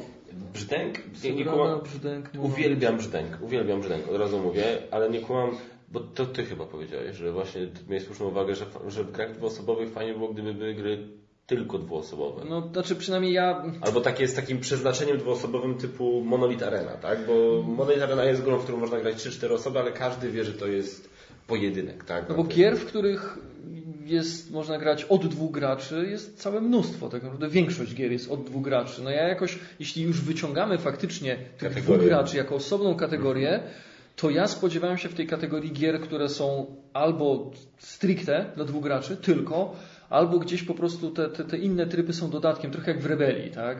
No możesz mieć tego trzeciego i czwartego, ale to jest takie z dupy. Tak. E, więc tutaj parę dla mnie nominacji było kontrowersyjnych, ale mi się na przykład podoba to, że, że do tej pierwszej piątki załapał się Tuareg, który jest bardzo fajną grą, którą poznałem de facto dopiero po plebiscycie. E, bo ja głosowałem, nie pamiętam na co głosowałem, e, ale Tuareg bardzo fajna gra i fajnie, że to się znalazło. Tylko jeszcze chciałem na chwilkę wrócić do mm, tych dodatków, bo tu jeszcze było co? Terraformacja, Star Wars Rebelia. Dixit, y, Siedem Cudów Świata, Armada. No to no niestety nie miałem do czynienia z żadną. Jedn- no to jedyny dodatek, który praktycznie em, nie jest taki oklepany, że tak to ujmę. Który mówisz? No, ten. Mhm, bo Fenris. tak jakby nie patrzeć, pozostałe to są... Jakbym w, na, za rok zobaczył, wiesz, kolejny Dixit albo jakiś ten na liście, to też bym pomyślał, że nawet nie wiedział, który, który rok to jest. Tak, dokładnie. Ja chyba głosowałem, czy powaliłem lata, ale te dodatki do wojowników, nie? To były z zeszłego roku. Czy, czy to był jeszcze wcześniejszy rok? Valhalla i Mroczne Mm, Nie, polskie wersje językowe to był zeszły rok, moim zdaniem. Prawie. Zeszły, czyli Czyli 2018. 2018. Okej, no Czyli to, tak. to, chyba tak. No. Najlepsza gra edukacyjna, już lepiej niż w zeszłym roku. W zeszłym roku wygrał Great Western Trail. W tym roku wystawa światowa 1893. Ciągle jakby nie do końca chyba rozumiem te kategorie, bo mimo wszystko wystawa światowa 1893 to jest fajne euro odnoszące się do prawdziwego wydarzenia, ale nie wiem jaki to jest Znaczy, gra praktycznie otrzymała nagrodę Mensa przede wszystkim. To jest też właśnie według mnie e, jedna z tych aspektów, które powinny być w Polsce bardziej właśnie jakoś promowane, bardziej Mhm. względem właśnie tego. Ta gra w ogóle była e, według mnie porażką marketingową e, po- poprzedniego roku, bo ona praktycznie premiery nie miała, a po chwili znalazła się na takiej wyprzedaży, że swoją kopię zakupiłem za 50 zł, Serio? 40 zł. Ale nawet nie wiedziałem, że to jest porażka. To jest naprawdę było według mnie nieporozumienie pod tym względem, bo to w ogóle tej grze kompletnie nie było słychać nigdzie, a gra jest świetna. Naprawdę to jest tak fenomenalny tytuł. Zasady na poziomie wsiąść do pociągu, a regrywalność niesamowita. Ułożenie planszy za każdym razem się zmieniające, praktycznie tak właśnie te koło, które właśnie jest takim e, eye-catcherem, bo po prostu widzisz, co ktoś ma to rozłożone, to jest od razu takie, o kurczę, co to? Fajnie to wygląda, bo to jednak właśnie e, te, te koło, e, diabelskie koło, które właśnie prezentuje tą planszę, super wygląda na planszy, mechanicznie jest banalna, a ilość informacji, którą ma ona zawartą na kartach, to robi wrażenie, bo tam jest masa informacji odnośnie tych rzeczy, które na tej wystawie brały udział. Także pod względem właśnie takim edukacyjnym, okay. ktoś nawet chciał sobie poczytać po prostu o tym, to lepsze chyba nawet to niż jakaś książka. Ale za rok tu widzę tutaj na skrzydłach. Ja właśnie chciałem to powiedzieć. No, no. A co tam jeszcze było na tych? Niepodległa nie grałem, Lincoln nie grałem, ale Lincoln to jest też chyba po prostu jakiś tam Wallace'a. obraz w, świe- w świecie tym tam. To, to jest deck builder. Tym tam. E, To jest deck builder Wallace'a, mam go... e, To jest deck builder? To jest deck builder. U. Tak. Martina Wallace'a. E, Mam go u siebie... Now you speak a language. No, mam u siebie na półce wstydu. Okej. Akcją nie grałem, koncept kit, zwierzaki, okej. Najlepsza gra z klimatem detektyw. Moim No, zdaniem jest okej. Valhalla, Zombicide, Czarna Plaga, Rising Sun, Brzdęk. Sam głosowałem na detektywa. Detektywa, przepraszam. Najlepiej zilustrowana gra planszowa. Valhalla. No, no nie. Z całym szacunkiem, ale wydaje mi się, że ilustracje w Rising Sun są. Zależy jaki kto lubi klimat. No, No, nawet ten Inish, bo ten Inish mi się podoba. Te Mi się podoba też. Do mnie trafiają. Ja wiem, że one są takie love or hate, ale ja jestem po stronie love. Do mnie Jeszcze ten- bardziej będą mi się podobać, jak dostanę wreszcie poprawione karty, ale tak. A to tak, tak, to wiadomo, nie? Ale ogólnie się podoba. Najlepsza gra dla dzieci My Little Side. No, ty, tak, na to głosowałem. Tak. jest. Ale Super Farmer Koza. Grajeczka jest... jest Super okej. Farmer i Koza nie grałem. Super Farmera grałem dużo, ale z Kozą nie. Bez podtekstu. Żadnych. Y, Grajeczka... Nie. Grajeczka jest, była takim trochę rozczarowaniem dla mnie, powiem szczerze. E, Pingwin na lodzie jest świetny. No to jest... I to jest, i zresztą to jest dla nas taki trochę go-to prezent w tej chwili, jak idziemy do kogoś. No to jest tak genialne w swojej prostocie, że, że się w To jest niesamowite, to też fenomen. Najlepsza gra polskiego autora, no to Detektyw, to mnie absolutnie nie dziwi. Valhalla, Lords of Hellas, Monolith Arena, Ubongo 3D. Eee, no, świetne tytuły. Świetne tytuły. Aczkolwiek Głosowałem na Valhalla. ja bym jeszcze tutaj zagłosował na, e, dodał do tej listy In Between, bo to polską premierę miała w zeszłym roku. A tak, prawda. Czy na In Between? Nie pamiętam. Nie, na, nie na Valhalla raczej. Najlepsza gra imprezowa Decrypto, bardzo ładny wynik dla Decrypto, chociaż ja głosowałem na dochodzenie. I słynna, Zawsze jestem fanem dochodzenia. kontrowersja gry The Mind. No o tym to już chyba wszyscy się wypowiadali, że nikt A to jest ten sam twórca. Co... Tak? tak, to jest ten. Wolfgang Karrosie. To jest facet, który jest w Niemczech uważany jako e, autor gier e, Spiel des Jahres. Nie, bo nie każdy tytuł praktycznie trafia na w kategorię Spiel des Jahres, jakąkolwiek się wpisuje. Czyli gra roku. Tak, e, gra roku, przepraszam, niemiecka. No. SDJ. Okej.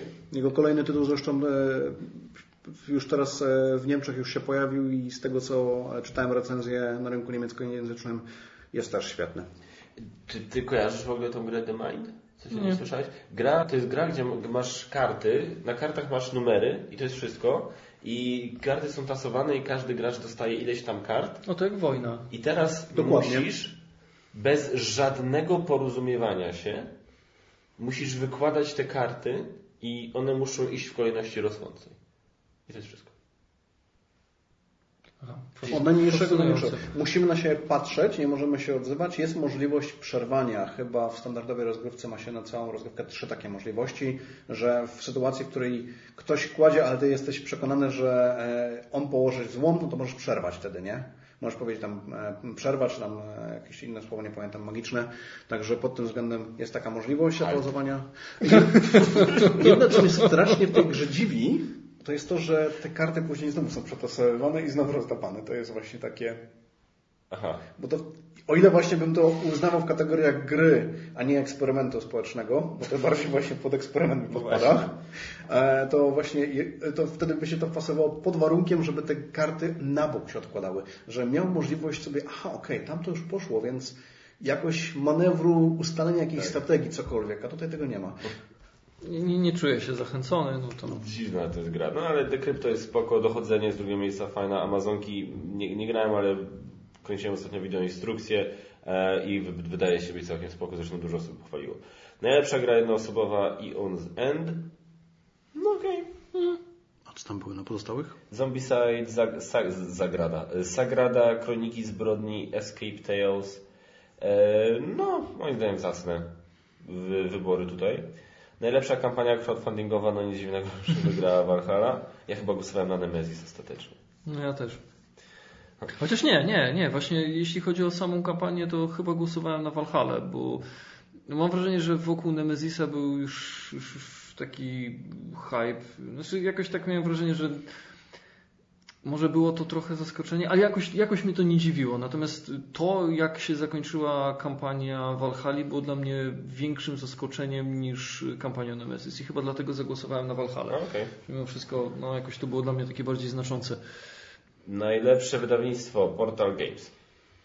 A powiedziałeś to dlatego, że włazisz im w dupę? Czy... A, bo wygrali! A, okej. Ale wiesz co, to jest dla mnie właśnie to jest dla mnie takie ciekawe, nie? Właśnie te wszystkie jakieś tam docinki w moją stronę, że ja tam włażę w dupę portalowi i tak dalej, wiesz, te wszystkie jakieś tam gadki na... Jezu, dobra, każdy wie, że założyłeś 100 fejkowych kont i głosowałeś na portal, no. Ale wiesz, bo to jest właśnie, wiesz, ale przychodzi co do czego, Ty to nawet wygląda jak taki anus.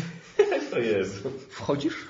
4000 chłopa, wiesz, głosowało, tak? I, i, Który kont masz? i, i, i wiesz, i, i masz takie wyniki, tak? Bo to nawet nie padnie chodzi o wynik tej kategorii, tak? Ale na czyje gry są w różnych kategoriach, tak? I tak to wyoutsourcował do Bangladeszu, ale teraz z Patronite'a musimy za to płacić.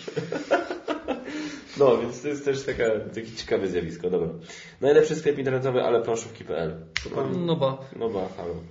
E, Mepel 3 Trolle Rebel AM76. To jest w sumie dobre, że Rebel ciągle się utrzymuje tak wysoko, biorąc pod uwagę konkurencję, którą ma na rynku z planszą strefą, właśnie za planszówkami i tak dalej. Fakt, że on ciągle gdzieś tam no.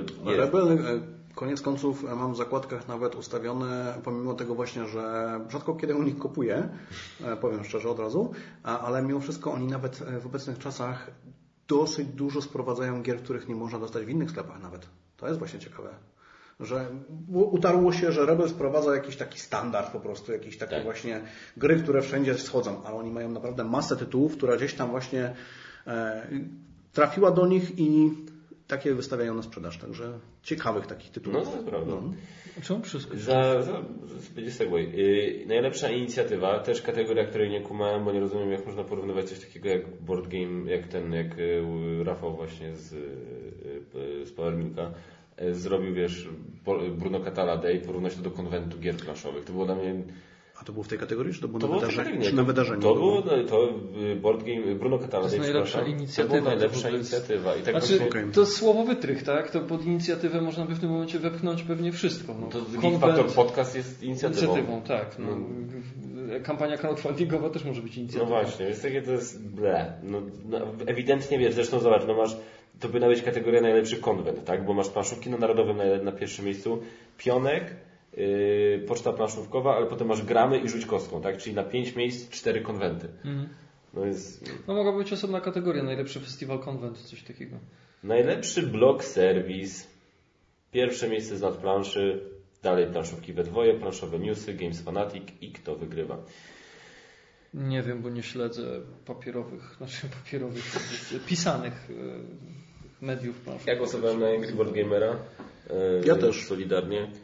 A z nadplanszy, no mówmy się, no oni robią, to jest niesamowita robota, tak? To co Marcin i Tycjan robią, to jest Tak, tylko że na planszy właśnie, pomimo wszystko, że to wszyscy właśnie kojarzą to właśnie e, Marcina Tycjana, ale to jest przecież masa ludzi, która za tym stoi Tak, praktycznie tak. pod tym względem, to naprawdę. Teraz chyba nawet e, e, Jezus, teraz zabijcie mnie, Agralutka? Gralutka, Agralutka. Tak. E, Ta dziewczyna też tam dołożą- dołączyła do, do osób piszących też, że to po prostu ilość e, kontrybutorów, jak to się po polsku mówi?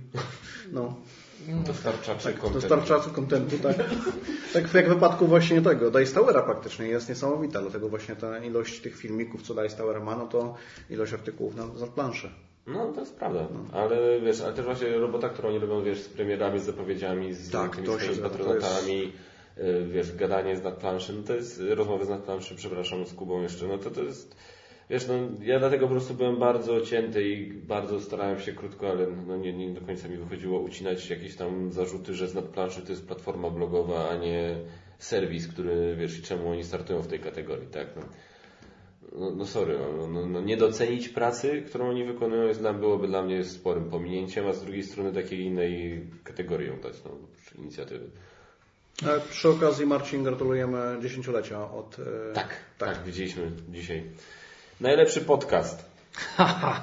Kawa, rozmówki i planszówki na pierwszym miejscu. Gratulacje dla Łukiego. Dalej Nie. Geek Factor. Geek Factor Podcast. Dziękujemy bardzo wszystkim głosującym e, słuchaczom. E, dwa pionki, dobry, zły i ostatni i gradanie.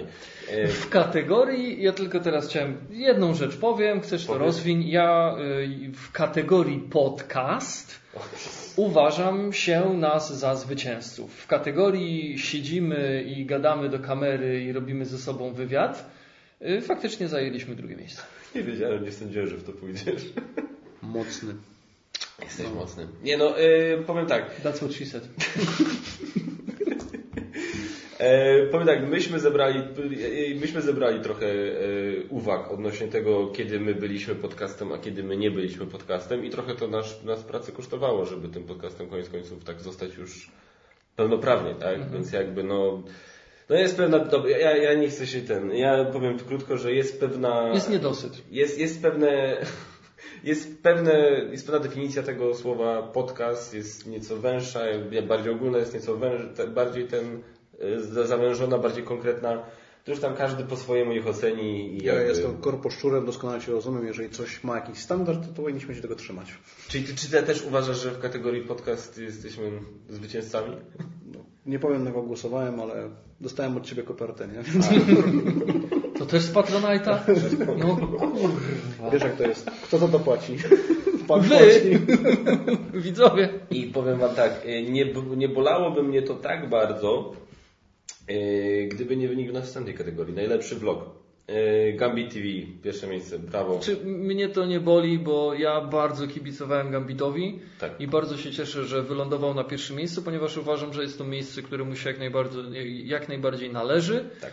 Bo facet siedzi w tym od dawna, jego, jego głowa jest po prostu, jak dla mnie przynajmniej, e, osoby, która nie siedzi w tym tak bardzo jak, jak wy, dla mnie jest chodzącą encyklopedią planszówki. Tak jeśli chodzi, jeśli chodzi o każdy aspekt wiedzy dotyczący planszówek. Kto to wydał, kiedy, która to jest edycja, jak to jest podobne do innej gry, jaką ma mechanikę, jakie ma plusy, jakie ma minusy. I lubię jego sposób przekazu, ponieważ on z jednej strony potrafi zachować ogromną rzetelność. Ja już pomijam to, że mam wrażenie, że tam niektórzy widzowie Gambita uważają jechanie po grze za rzetelność, ale to jest tam osobna No. kwestia.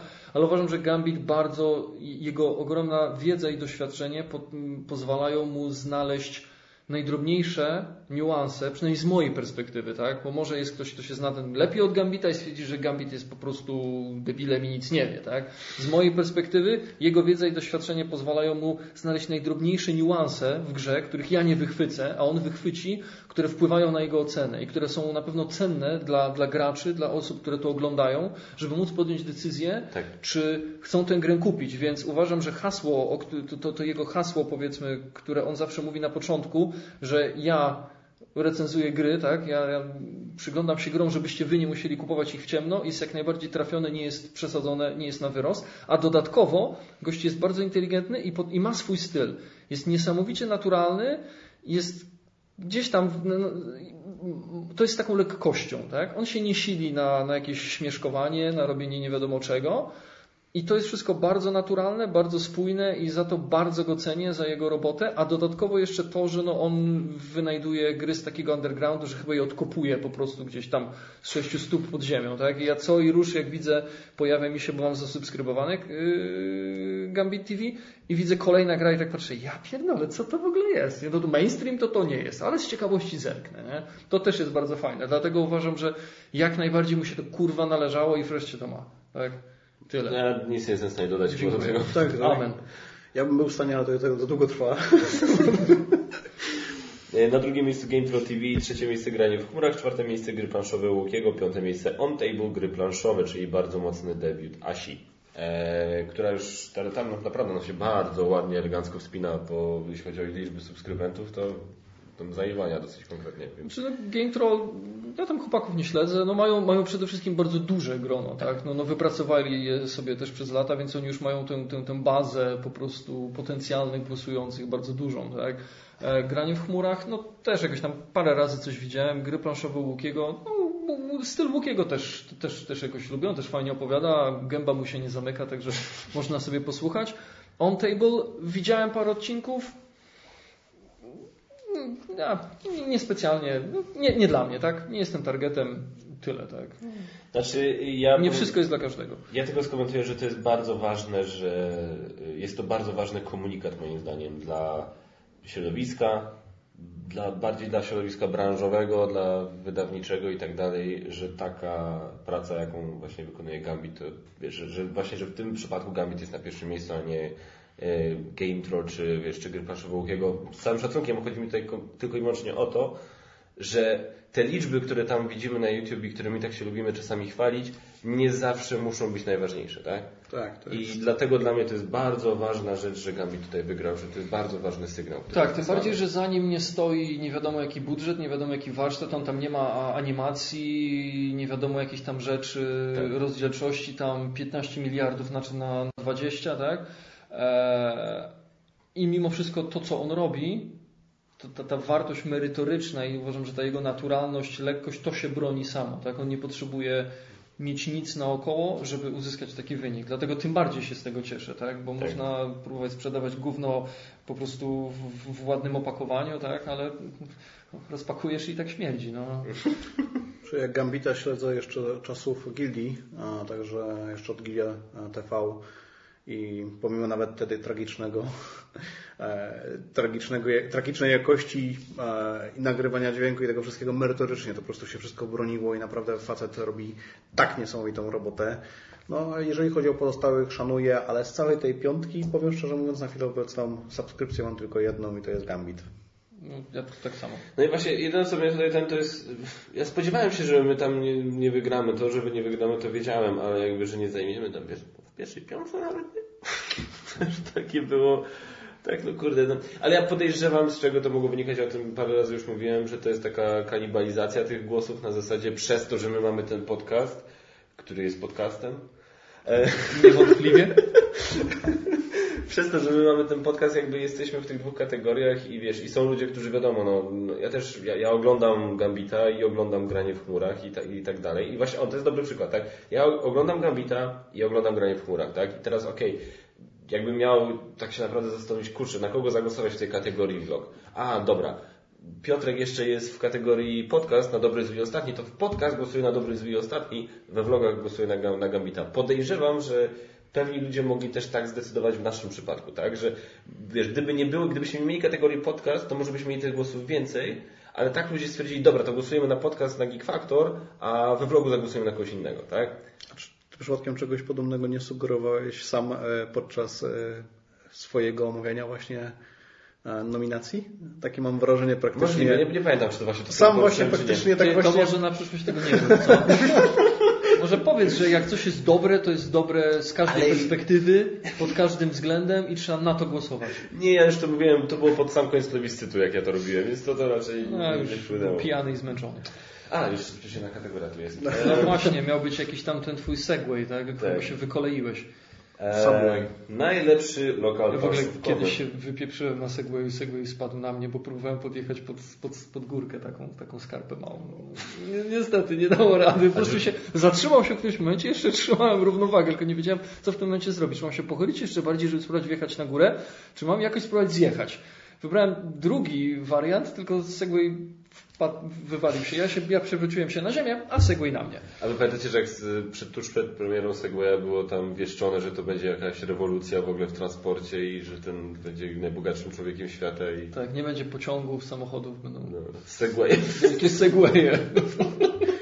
Przebudują miasta. Aczkolwiek y, coś takiego jak wycieczki y, po mieście z przewodnikiem na Segwayach, to działa. To działa, bo nawet y, z tego co słyszałem, to, to, to w Gdańsku jest możliwość. Ja widziałem takie, jak, jak pracowałem w Hamburgu jeszcze, to tam widziałem to, tego bardzo dużo. Mimo, że Segway jako taki nie okazał się rewolucją, nie zbawił świata, to to się, to się, to się jakoś tam nawet sprawdzało i jeździły Ale te filmiki są chyba z wypadków e, są równie popularne jak filmiki z kotami na YouTubie, bo to jest masa tego. Też już chyba nie, Chyba wiesz? też. Chyba na początku były, ale teraz y, koty, koty się bronią. Koty wróciły do Koty władzy. wygrały, Ja tak. kiedyś to pamiętam, widziałem przy, w Gdyni, y, przy naszym tym największym centrum tam przy Rivierze, e, widziałem na parkingu ochroniarza, który zaiwaniał na, na Segwayu i tak sobie myślałem, ty, w sumie na, dla ochroniarzy na takich tego typu kompleksach to w sumie też jest dobra No, opcja. takich tak? rzeczy pewnie jest spoko, ale żeby wykorzystywać to jako transport, no to o wiele lepiej się przyjmują te elektryczne e, hulajnogi, czy nawet takie coś, ja nie pamiętam jak to się nazywa, że masz to jedno kółko, masz te dwa rozkładane Tak. takie mm, To, co podejściki, dwa kółka. stajesz na czym A, tak, jedziesz. tak, nie? tak. Taki, taki monocykl. Że teraz Mewo rządzi, wiesz. To, to, to są te rowery, tak? Tak jest. Tak. Najlepszy lokal planszówkowy. Pierwsze miejsce Ludiversum Katowice. Gratulujemy. Gratulujemy. Drugie miejsce Graciarnia Gdańsk. Coś, coś takiego było. Trzecie miejsce Paradox Cafe Warszawa nie słyszałem.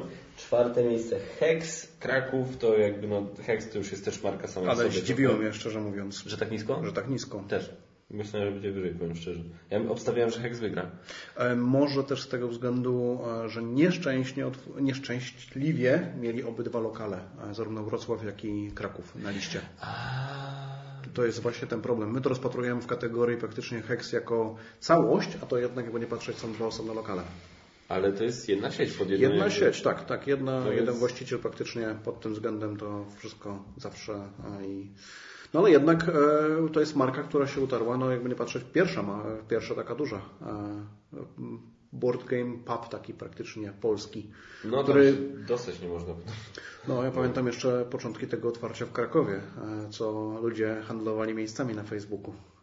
Tak, Serio? naprawdę. Wow. To były czasy, które były tak niesamowity hype na to, po prostu tak nakręcony, także to wszystko, co teraz jest obecnie o grach, naprawdę może się tylko, czy mogą się tego uczyć, e, bo tam ludzie sprzedawali miejsca, ludzie robili rezerwacje na daną godzinę i później w internecie wystawiali ją. No po prostu, no, jak już... To jest lekka przesada. No. Ale y, lokal e, miał, dalej ma swój klimat, e, który na przestrzeni lat się zmienił, bo to jakby nie patrzeć już parę lat ładnych e, ma E, i on ustanowił swego rodzaju standardy, jeżeli chodzi o e, kategorię board game e, pubów w Polsce, czy tam board game cafe, bo to na początku praktycznie otwierając się nie było pubem, tylko cafe. Więc pod tym względem oni rzeczywiście zmienili całkowicie podejście do tego, bo jeżeli chodzi o w ogóle początki e, takiego podejścia globalnego board game pubu, jakichś takich właśnie zalążków, takich Mekki taką swoistą, no to jakby nie patrzeć Kanada i magiczne miejsce e, w Toronto, którym jest e, Snakes and Lattes. Tak. To jest e, kwintesencja tego, czym takie miejsce powinno być. To jest coś, co dalej śledzę na przestrzeni tych wszystkich lat, dalej obserwuję filmiki, tutoriale, które właśnie sam właściciel prowadził w kanał swego czasu, razem, razem zresztą był kontrybutorem, tym już wcześniej nazwanym, jak to nazwaliśmy wcześniej? Dostarczaczem- Dostarczaczem, tak, na kontentu. na, e, tak, na, na Dice Towerze, e, w której właśnie miał serię, którą prowadził serię odnośnie właśnie w jaki sposób prowadzić e, takie właśnie miejsce, w jaki sposób promować. E, Trochę miał podejście, powiedzmy, takie bardziej szersze, bo jednak przestrzeniowo, no to nie wiem, czy w Polsce wszystkie e, lokale co zamian do kupy mają taką przestrzeń, jaką może na chwilę obecną poszczycić się Snakes and Latesa, no ale jednak facet ma niesamowite doświadczenie, niesamowitą e, niesamowite lata praktycznie, wszystkie, to wszystkie gry, wszystko praktycznie, cały networking, który on zebrał, i on mimo wszystko nie jest aż tak bardzo medialny. To jest najlepsze właśnie. Pomimo, tego wszystkiego praktycznie, bo jednak osoba, która e, prowadzi e, Geeka, e, jest osobą uważaną w środowisku za no, swoistą, swoistą jakąś takiej guru praktycznie. On nawet swój konwent ma prywatny. A ten właśnie jest taki opanowany, spoko, mam swój lokal. To, że jest najlepszy na świecie? No luz kompletnie, nie? Jak ktoś spadnie i zobacz jak wygląda. No, a powiedz mi, e, bo teraz tak. Ludiversum Katowice, ok, ja powiem szczerze, że trochę mnie zaskoczyło, ale z drugiej strony o tej knajpie się mówi dużo, to jest prawda. Oni się dużo mówi, to jest do, dobra robota, teraz zabij mnie, yy, dziura w mózgu, Rafała. E, a nie Kamil? Boże jedyny. Poznałem nagramy, powiem szczerze, ale wydawało mi się, że Kamil. Boże, ale teraz możliwe, że ja mam straszną pamięć do imion ja i aktorów, także, także więc pod tym względem. Więc... No dobrze, w każdym razie, to, to doskonała jego robota. E... Powiedzmy tak o całej ekipy, bo to z pewnością nie tylko tak, on tam tak. jest, to jest zawsze ten. Zawsze jest dużo dzieje, tam jest dużo, jak tam śledzę właśnie tych ludzi planszówkowych z południa, jak widzę, co oni tam właśnie wypisują i tak dalej, to widzę, że tam co chwila coś się dzieje w Diversum. No ale to samo myślę, można by powiedzieć o miejscu drugim, E, czyli o graciarni, tak, która w Gdańsku, w ogóle na północy, no też już swoją renomę ma e, i to w dużej mierze dzięki Tobie. E, no, no, nie oszukujmy się, tak? To jest, wiesz, to jest yy, graciarnia, jak została otwarta, to wiesz, to, to, to ty się ze mną skontaktowałeś. Nie, to ja się z tobą skontaktowałem, czy ty ze mną? Eee... Nie, ja z tobą i ty mi odpisałeś, a mogło to być grzecznościowe, że chciałeś się i tak do nas odezwać. To było tak, że ja napisałem do Patrysia, nie mamy Patry, Patrysia w składzie Geek Patrysia macie w składzie, którym właśnie, który was followuje, że tak to ujmę. E, Patryk, e, Patryk z Białogardu, e, ten, którego w Koszalinie poznaliśmy. A, Patrycjusz Dwulicjusz, dobra, tak, tak, tak, tak bo z Patrycjuszem znamy się z czasów ogólniaka. Czy on by mógł mnie jakoś zaanonsować jakieś takie, bo ja skromny człowiek jestem, tak szczerze mówiąc, bałem się, że wiesz, jak wparuję te się mam lokalnie, wpadnij zobaczyć, no to będzie trochę za bardzo agresywnie, że ktoś jakby, wiesz, mógł napisać. No i Patryk napisał, że spoko, zobaczę, napiszę, zobaczę co ten. I Patryk nie napisał, ale napisałeś ty. Znaczy tak. na profil graciarni. Na profil graciarni, który ja wtedy prowadziłem i napisałeś e, cześć, e, nazywam się taki tak, mam tutaj taki taki kanał i chcielibyśmy, nie, to coś. Nie pamiętam. Jak Jezus, tak, tak, tak. Ale swoją odpowiedź pamiętam, bo oczywiście kanał już wcześniej znałem i śledziłem i tak właśnie tobie napisałem, że oglądam, znamy i doskonale i followuję, tak, subskrypcje wszystkie porobione i bardzo lubię zresztą. Nie wtedy jeszcze w, nawet w konwencji e, nie tyle co planszówkowej, tylko około sceny ogólnie geekowskiej. A, tak, tak. tak. Pamiętam, mówiłeś o tym, że bardzo podobały Ci się recenzje na gorąco tak, i tak, tak dalej. Zresztą, Dawno nie było w sumie swoją no, drogą, ale... No, bardzo. No, ale jakby nie patrzeć, e, całą masę niesamowitych rzeczy robicie, więc pod tym względem dalej e, Was śledzę. Także zawsze fanem byłem i będę. E, no, a później właśnie spotkaliśmy się pierwszy raz właśnie w graciarni. Dobrze, że mamy kogoś, kto mówi nam, jacy jesteśmy fajni, nie musimy sami sobie tak, tak, w końcu. mówić. Dobrze? A w ogóle w sumie można było o tym wspomnieć, że nie wspomnieliśmy to na początku. Łukasz jest nie tylko naszym kolegą, przyjacielem, gościem na podcaście. Łukasz jest naszym patronem. Tak? Też, tak. Tak, tak warto o tym wspomnieć. Bierzcie przykład. Jesteś patronem, może trafisz na antenę? Polecam, jest fajnie. Jest woda. Tak, woda. Eee, słuchaj, Skończyło się. powiedz, y, powiedz mi, skąd się w ogóle wziął u Ciebie pomysł, żeby odpalić knajpę? I tu się pojawia wcześniej, parę godzin temu, bo nie pamiętam ile, kiedy zaczynaliśmy, wspomniany Marek. W Krakowie poznałem swego czasu w lokalu, który nazywał się R77 i mieścił się na ulicy Radzikowskiego 77, także jest wiadomo skąd R77. E, poznałem Marka, Marka Gutka, e, którego serdecznie pozdrawiam. Cudowny blondas, którego jeszcze z pewnością e, osoby, które odwiedzają graczernię niejednokrotnie zobaczą, czy to za barem, czy to na sali. Czy to pod barem. Czy to pod barem, tak. Tak, wiele ma twarzy. Więc Marka tam poznaliśmy, no i z Markiem to było takie brat od razu, praktycznie bratnia dusza, to po prostu było klik i wiedzieliśmy wszystko o sobie patrząc sobie w oczy bezpośrednio. No. Tak dobrze, że Ale zapomniał, romantycznie. tak, do, tak dobrze, że zapomniał jak można imię. Tak, do tego Panda. właśnie momentu, że zapomniał właśnie jak ten, ale widzisz, no. Ale panda to też wyszło czule, tak? To Tak, wyszło tak. na pewno od serca. Tak. I Marek e, zawsze mówił o tym, że on jest z Gdańska, zawsze mówił o tym, że on chce lokal otworzyć podobny właśnie z planszówkami w Gdańsku, z tego względu, że ma wielki sentyment do planszówek, e, wielki sentyment do Wrzeszcza, e, bo tutaj jakby nie patrzeć, a niedaleko meka planszówkowa, e, no już teraz zamknięta, Mhm. rebelowa, rebelowa e, druga lokalizacja, z tego co się dowiedziałem na e, przestrzeni tych lat, bo wcześniej podobno w jakimś kiosku ruchu sprzedawali jako pierwszą właśnie taką lokalizację, a to był sklep na ulicy e, Maja, tak dobrze pamiętam? E, Czy to się nazywała? ta Nie tej pierwszej. A nie, mówisz o Tej- tej tej- drugiej? tej drugiej. To jest ma, ulica Matejki. Matejki właśnie. Taka skitrana z boku, ale ludzie jakoś tam trafiali. Ja byłem... Po zapachu tak Tak. pachnie świeżą planszówką.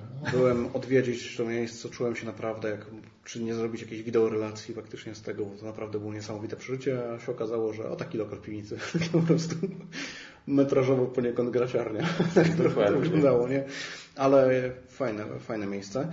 E, No i Marek e, zawsze taki lokal chciał otworzyć, e, a że ja to lekki taki zapas e, planszówkowy miałem, e, to stwierdziłem, dobra, e, wiesz co, Skromny. Taki No lekki zapasik. przejdziemy. tak, mogę się podzielić tym, bo jednak wszystkie, wszystkie rzeczy, pomimo że grałem, gdzieś tam później leżą, a więc może weźmy, pokażmy to ludziom, jakie to jest fajne. I tak właśnie poznaliśmy się w RC, w Krakowie jeszcze, przeniosłem się nawet, całkowita zmiana życia. Z żoną przenieśliśmy się tutaj właśnie do Trójmiasta e, i po prostu Marek zaczął otwierać swoją knajpę, która miała się otworzyć jeszcze zanim, zanim my tutaj przyjechaliśmy, e, z tym, że była masa problemów, e, masa takich rzeczy związanych z koncesją, masa, masa rzeczy, o Jezus, wiecie, problemów przy otwieraniu takiej knajpy możecie sobie wyobrazić, e, ile, je, ile może być, tyle, tyle jest praktycznie. Największe? Bo to właśnie to, to jest gdzieś rzecz, o którą chciałem zapytać, jakie były wyzwania, jak został znaleziony lokal, to, to ciekawi mnie, bo jest... Często ludzie gdzieś tam mają pomysł na biznes, otwierają jakąś knajpę. Tak? Niekoniecznie mówimy tutaj o knajpie stricte planszówkowej. Otwierają kawiarnię, naleśnikarnię, pierogarnię, restaurację w jakimś tam klimacie, w jakimś stylu i to nie jest łatwy biznes. Tak? Po jakimś czasie to pada. I byłem ciekaw właśnie, jaki był tutaj pomysł na biznes, jak osiągnięte zostało to, że to nie padło, czy to dlatego, że rynek tutaj nie jest przesycony tego typu lokalami, jakie były wyzwania związane z, z rozpoczęciem działalności, gdzieś pierwsze, ten, ten, ten pierwszy okres to to przetarcie, ten, ten sprawdzian, tak? czy, czy, to się, czy to się powiedzie, czy nie. I, I też byłem, jestem ciekaw y, lokalizacja, czy to było tak, no dobra, to jest jedyne dostępne, czy też urzekło tam Marka, mm, czy, czy też tam, nie wiem, Ciebie, bo nie wiem, jaki miałeś udział w, wyborze lokalu, co, co tam, że, że coś tam urzekło i dlatego tam. To jeszcze, żeby Ci to jeszcze bardziej rozbudować to pytanie, Dobra. to jeszcze Ci rzucę jeden, e, e, jeden e, jeszcze jedną taką anegdotę, taką historię właśnie z tej trójmiejskiej sceny planszówkowej w Trójmieście, z trójmiejskiej sceny w Trójmieście, z trójmiejskiej sceny planszówkowej. E, Był taki lokal, bardzo fajny lokal w kontekście tego, jak tam duże stoły, jasno, fajny wybór planszówek, Tabletop Cafe. E, On był zlokalizowany w Gdańsku w, na terenie e, osiedla Garnizon. Znaczy chyba, on to, to chyba nie jest teren garnizonu, ale jest, ale, ale jest, ale jest przy, jest centralnie przy tym osiedlu Garnizon. Więc taka lokalizacja, no powiedzmy, nie oszukujmy się, prima sort. I teraz jak się tam wchodziło, naprawdę, jeśli chodzi po, dla, dla gier, super sprawa, bo mówię, fajnie, fajny wybór, ładnie i tak dalej. E, Właściciele tego lokalu, oni to zamknęli po jakimś pół roku chyba, czy coś takiego. Teraz powodów oczywiście ja tam z nimi nie rozmawiałem, więc do końca nie wiem o co chodzi, e, o co poszło, ale moje spekulacje bazując na obserwacji tego, jak to tam wyglądało, to tak, ci właściciele mieli dwie obsesje w życiu. Planszówki i takie fit styl życia, tak? Czyli dieta, wiesz, odchudzanie, wiesz, i tak dalej, i tak dalej. Oni to bardzo promowali. Obie te rzeczy promowali w tej knajpie. Chociażby w taki sposób, że mieli tam taką bardzo zdrową żywność. Tam desery oparte na, wiesz, na naturalnych składnikach, jakieś takie, wiesz, takie różne wymyślne... wegańskie, bezglutenowe, Coś tym, nie aż tak bardzo, ale, ale, ale gdzieś tam w tą, w tą stronę. Nie coś takiego, co sobie bierzesz, wiesz, chrupki, paluszki i sobie opierdzielasz po prostu do planszówki. No i teraz, wiesz, te rzeczy też, taka zdrowa kawa, tak, czy jakoś tam tego, to kosztuje tam pewne, pewne pieniądze. I teraz tak, ja tam widziałem, przez to, że ta gra, przez to, mówię, przez ten rozmiar tych stołów chociażby, była przyjazna na takie długie, duże, ciężkie tytuły, to wiesz, masz tam pięć stołów powiedzmy, jeden z nich, powie, kiedyś tam byłem, pamiętam i ekipa grała w grę o Tron, w którą umówmy się, no można grać 4 do 6 godzin, tak? I teraz co, no podczas tych 6 godzin, no wiesz, masz, blokujesz jeden z pięciu sto, stołów w całej knajpie, blokujesz go na 6 godzin i w trakcie tych 6 godzin cztery kawy może weźmiesz i wiesz, i teraz no to, to jest, mówię, czynsz w tym miejscu podejrzewałbym horrendalny, tak? Bo na, moim zdaniem był na bank horrendalny, no po prostu nie wyobrażam sobie innej opcji. I wiesz, no i teraz, no, no to gdzieś tam mnie, chyba, chyba, moim zdaniem to się po prostu finansowo im nie spięło. No ale poczekaj, bo, bo, bo ten cały wywód o zdrowym jedzeniu, Znaczy chodzi o to, że jakby wiesz, że, że, że przez to, że wiesz, bo na przykład są knajpy, które wiesz... że było drogie, więc ludzie nie że kupowali było drogie, tak, i się tak, nie że, zwracało. No, Okej. no, że było drogie, ludzie nie kupowali. Bo nie tak mieli dalej, wiesz. paluszków, chipsów, Nie, nie dokładnie, dokładnie naczosów, tak. tak, tylko mieli fit y, wegańskie Tak, sałatki, Fritz Kole, wiesz, i, i, i kaszę tak burgur, tak. tak.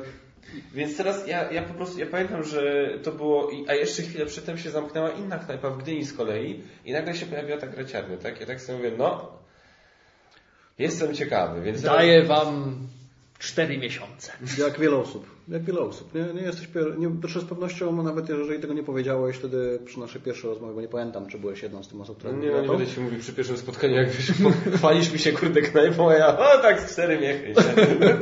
Spoko, z, y, A Kaczmar tak 10 się rozglądał, ciekawe co tu będzie za pół roku. Hmm. Jeszcze, jeszcze żeby było ciekawiej, ty, ja ci mówię, a, czy, ja ci, a to chyba ci powiedziałem na pierwszym spotkaniu, co było tam wcześniej. Tak, kojot. Kojot. Tak. Słyszałeś o kojocie? No to zwierzęciu tak. Nie, o knajpie Kojot Gdańsk Brzeszcz. E, To było piwo u nich praktycznie. Szklanka z wodą, która miała kolor, wiesz, e, bursztynowy powiedzmy. No to, to, to było miejsce, gdzie masz, wiesz, gdzie idziesz i masz szota wody za 3 złote, tak? Aha. Bo to Nawet wiesz, jak masz to 12 lat, nie? dobra. Tam była No taka taka, taka ale taka straszna. Ja tam byłem raz w życiu. I zabłądził. Dawne, dawne dzieje, dawne dzieje. Ja tam I teraz e, pozdrawiam Ale- Marka. Marek właśnie stąd wie, e, stąd znał to miejsce, bo był w Kojocie. Także Marek... A, znał- ups, obraziłem. Nie, nie, nie. On, on był bywalcem Kojotu z tego rzędu, tak jak powiedziałem właśnie, tutaj może nie do końca było słychać, ale nie trzeba było mieć dowodu, żeby tam się napić. Tak? nie? Więc on tam Oj. zaczął wcześniej. No. E, nie, ale to jest e, pod tym względem. Zanim jednak przejdę do tego wszystkiego, jeden krok wstecz e, i wrócę sobie jeszcze do Snakes and Lattes, żeby powiedzieć e, takie trochę takiego wstępu, jeżeli chodzi właśnie o zarobkową kwestię, jak to wygląda w Polsce, e, tych kawiarni planszówkowych czy pubów planszówkowych, jak to się udało mówić, a jak to w rzeczywistości wygląda na świecie.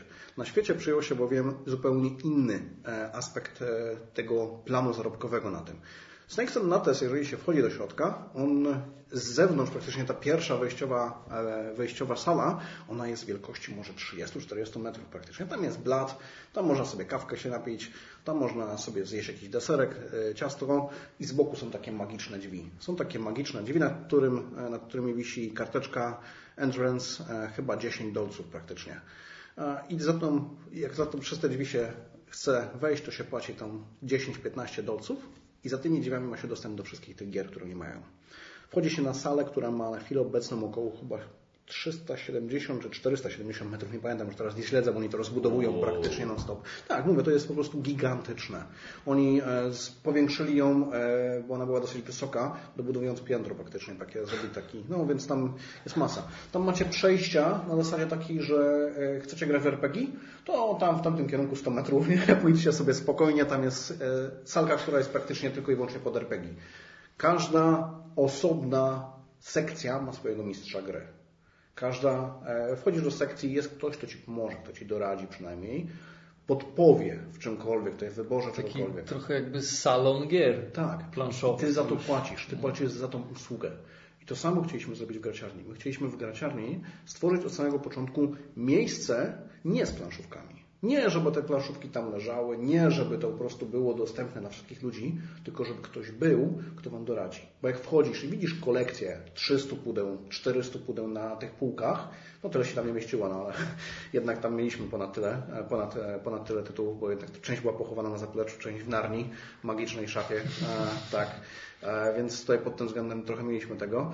No, ale właśnie było, była tam osoba, no i na początku byłem to ja, później przejął pałeczkę Kajtek, który mi zresztą pomagał przez długi okres, a później no sam już teraz to prowadzi salę. I to była osoba, która zawsze pomagała, która pod... zapytała, siema, grałeś coś wcześniej, czy jesteś świeży, czy jesteś nowy, doradzę Ci, podpowiem Ci. Mało tego, usiądę z Tobą, wytłumaczę Ci grę, podpowiem Ci jakieś zasady, jeżeli nie kojarzysz, jeżeli grają daną grę, coś sprawdzę nawet, coś możemy nawet, nie wiem, jeżeli coś będzie niepewne do końca, no to napiszę do wydawcy albo do kogoś. E, pomogę się po prostu odnaleźć się w tym świecie. Więc to był taki praktycznie przewodnik poniekąd. Nie? Wchodziłeś do, do tej narni, otwierałeś te drzwi graciarni, no i dobra, siema, jestem Aslan, poprowadzę cię tutaj, nie? Czy tam bardziej ten, ten, e, no ten... E, z dupą, z tak, dupą tak, tak, z dupą gozy. Jezu, to był... Faun. Faun, właśnie, tak. Jestem faunem, poprowadzę cię, tak pod tym względem. No. Więc na tym nam zależało. A... Chciałeś być faunem, zostałeś pandą. Futro spadło. A prawda jest taka, że na samym początku tego nie wiedzieliśmy. To jest śmieszne, bo jednak e, na samym początku e, pomysł był na pub z piwem kraftowym.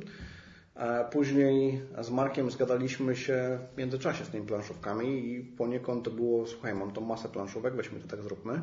I dopiero w trakcie renowacji tego lokalu zaczęło to się wszystko docierać. To wszystko zaczęło się tworzyć, to wszystko zaczęło e, istnieć jako myśl z jednym wielkim znakiem zapytania, z tego względu, że właśnie te wcześniej przez Ciebie wspomniane lokale były Markowi znane. Ja się później o nich dowiedziałem, tylko legendy słyszałem. No i wszędzie słyszałem o tym magicznym, zakazanym trójmieście, które jest praktycznie objęte jakąś klątwą.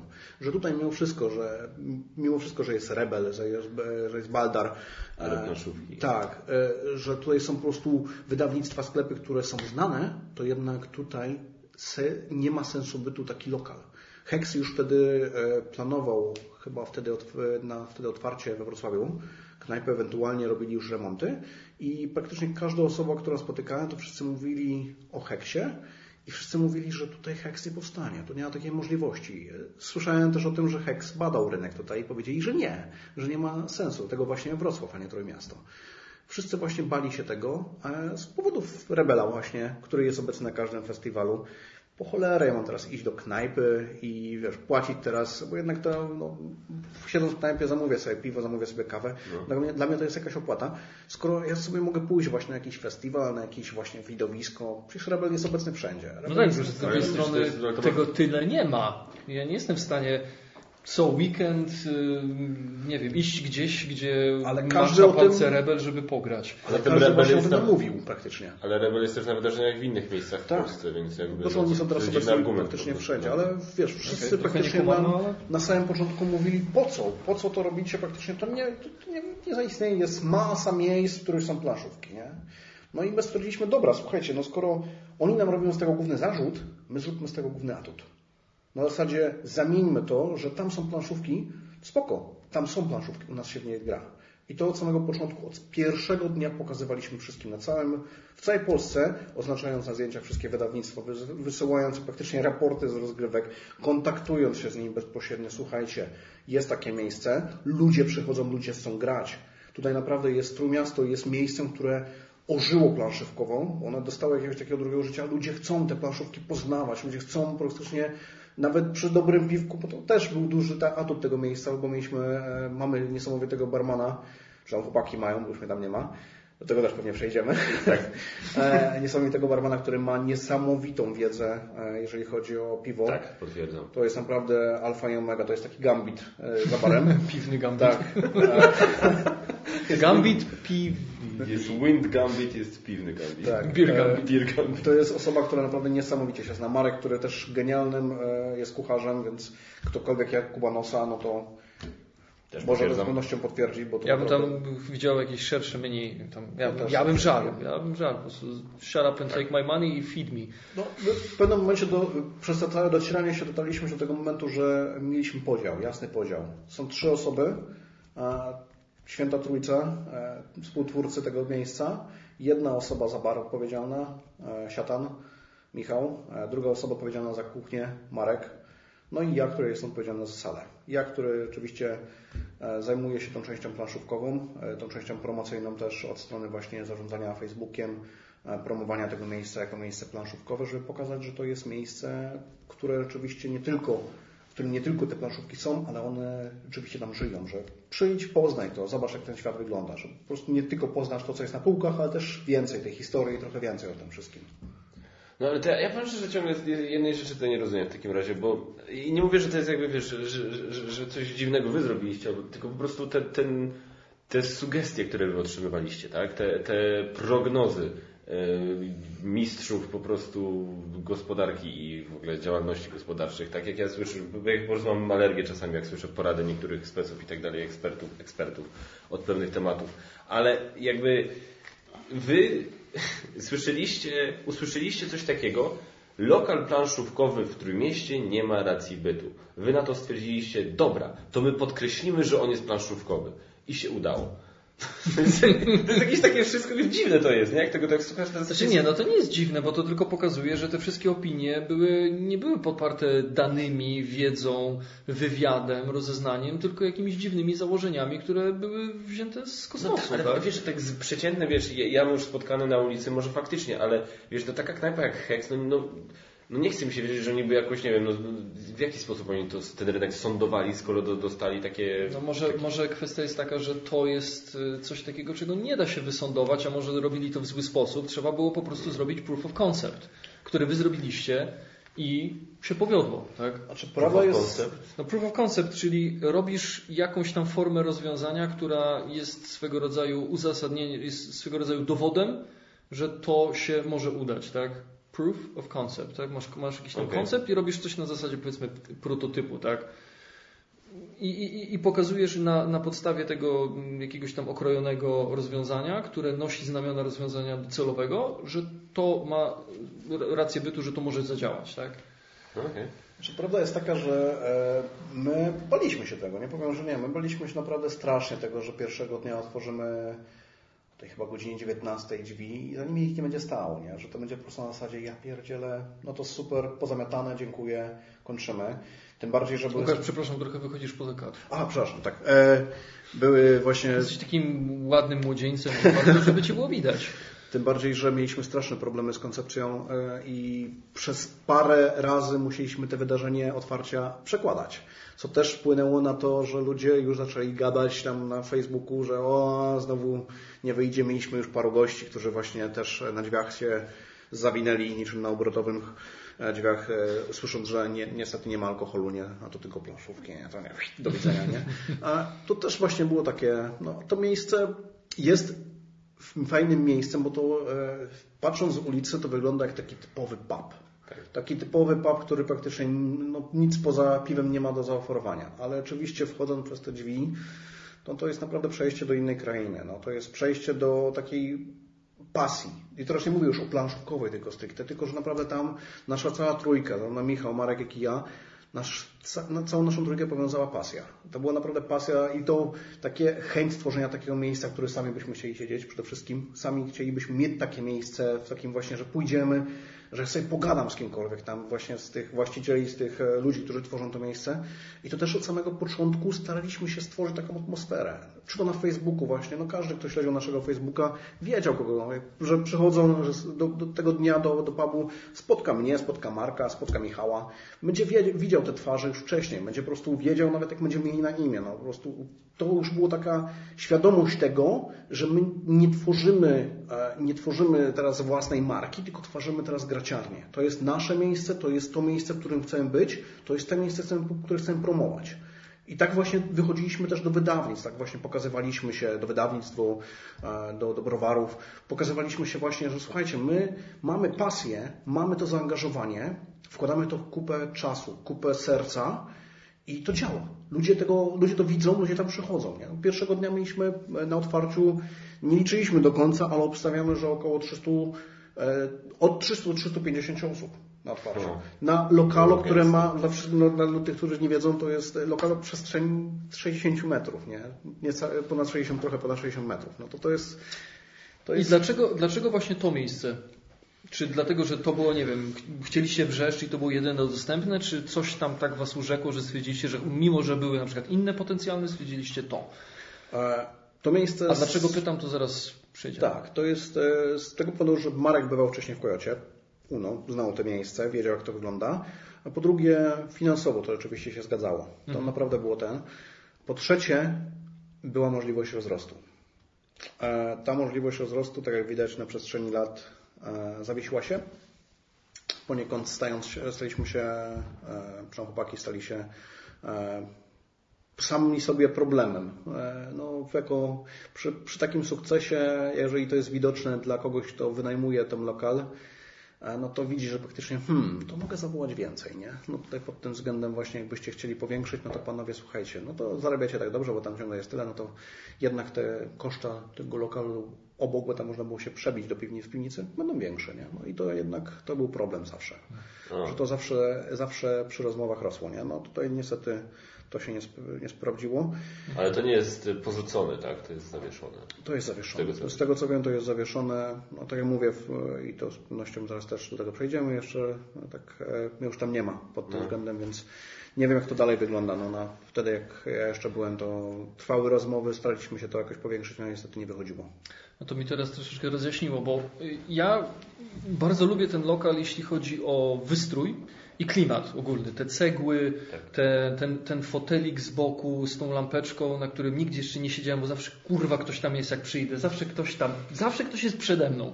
Ja myślałem, że chciał tam sobie tak usiąść właśnie jak w takim starym miejscu. przykład. No jest wygodnie, śpi się tam fajnie, powiem Ci.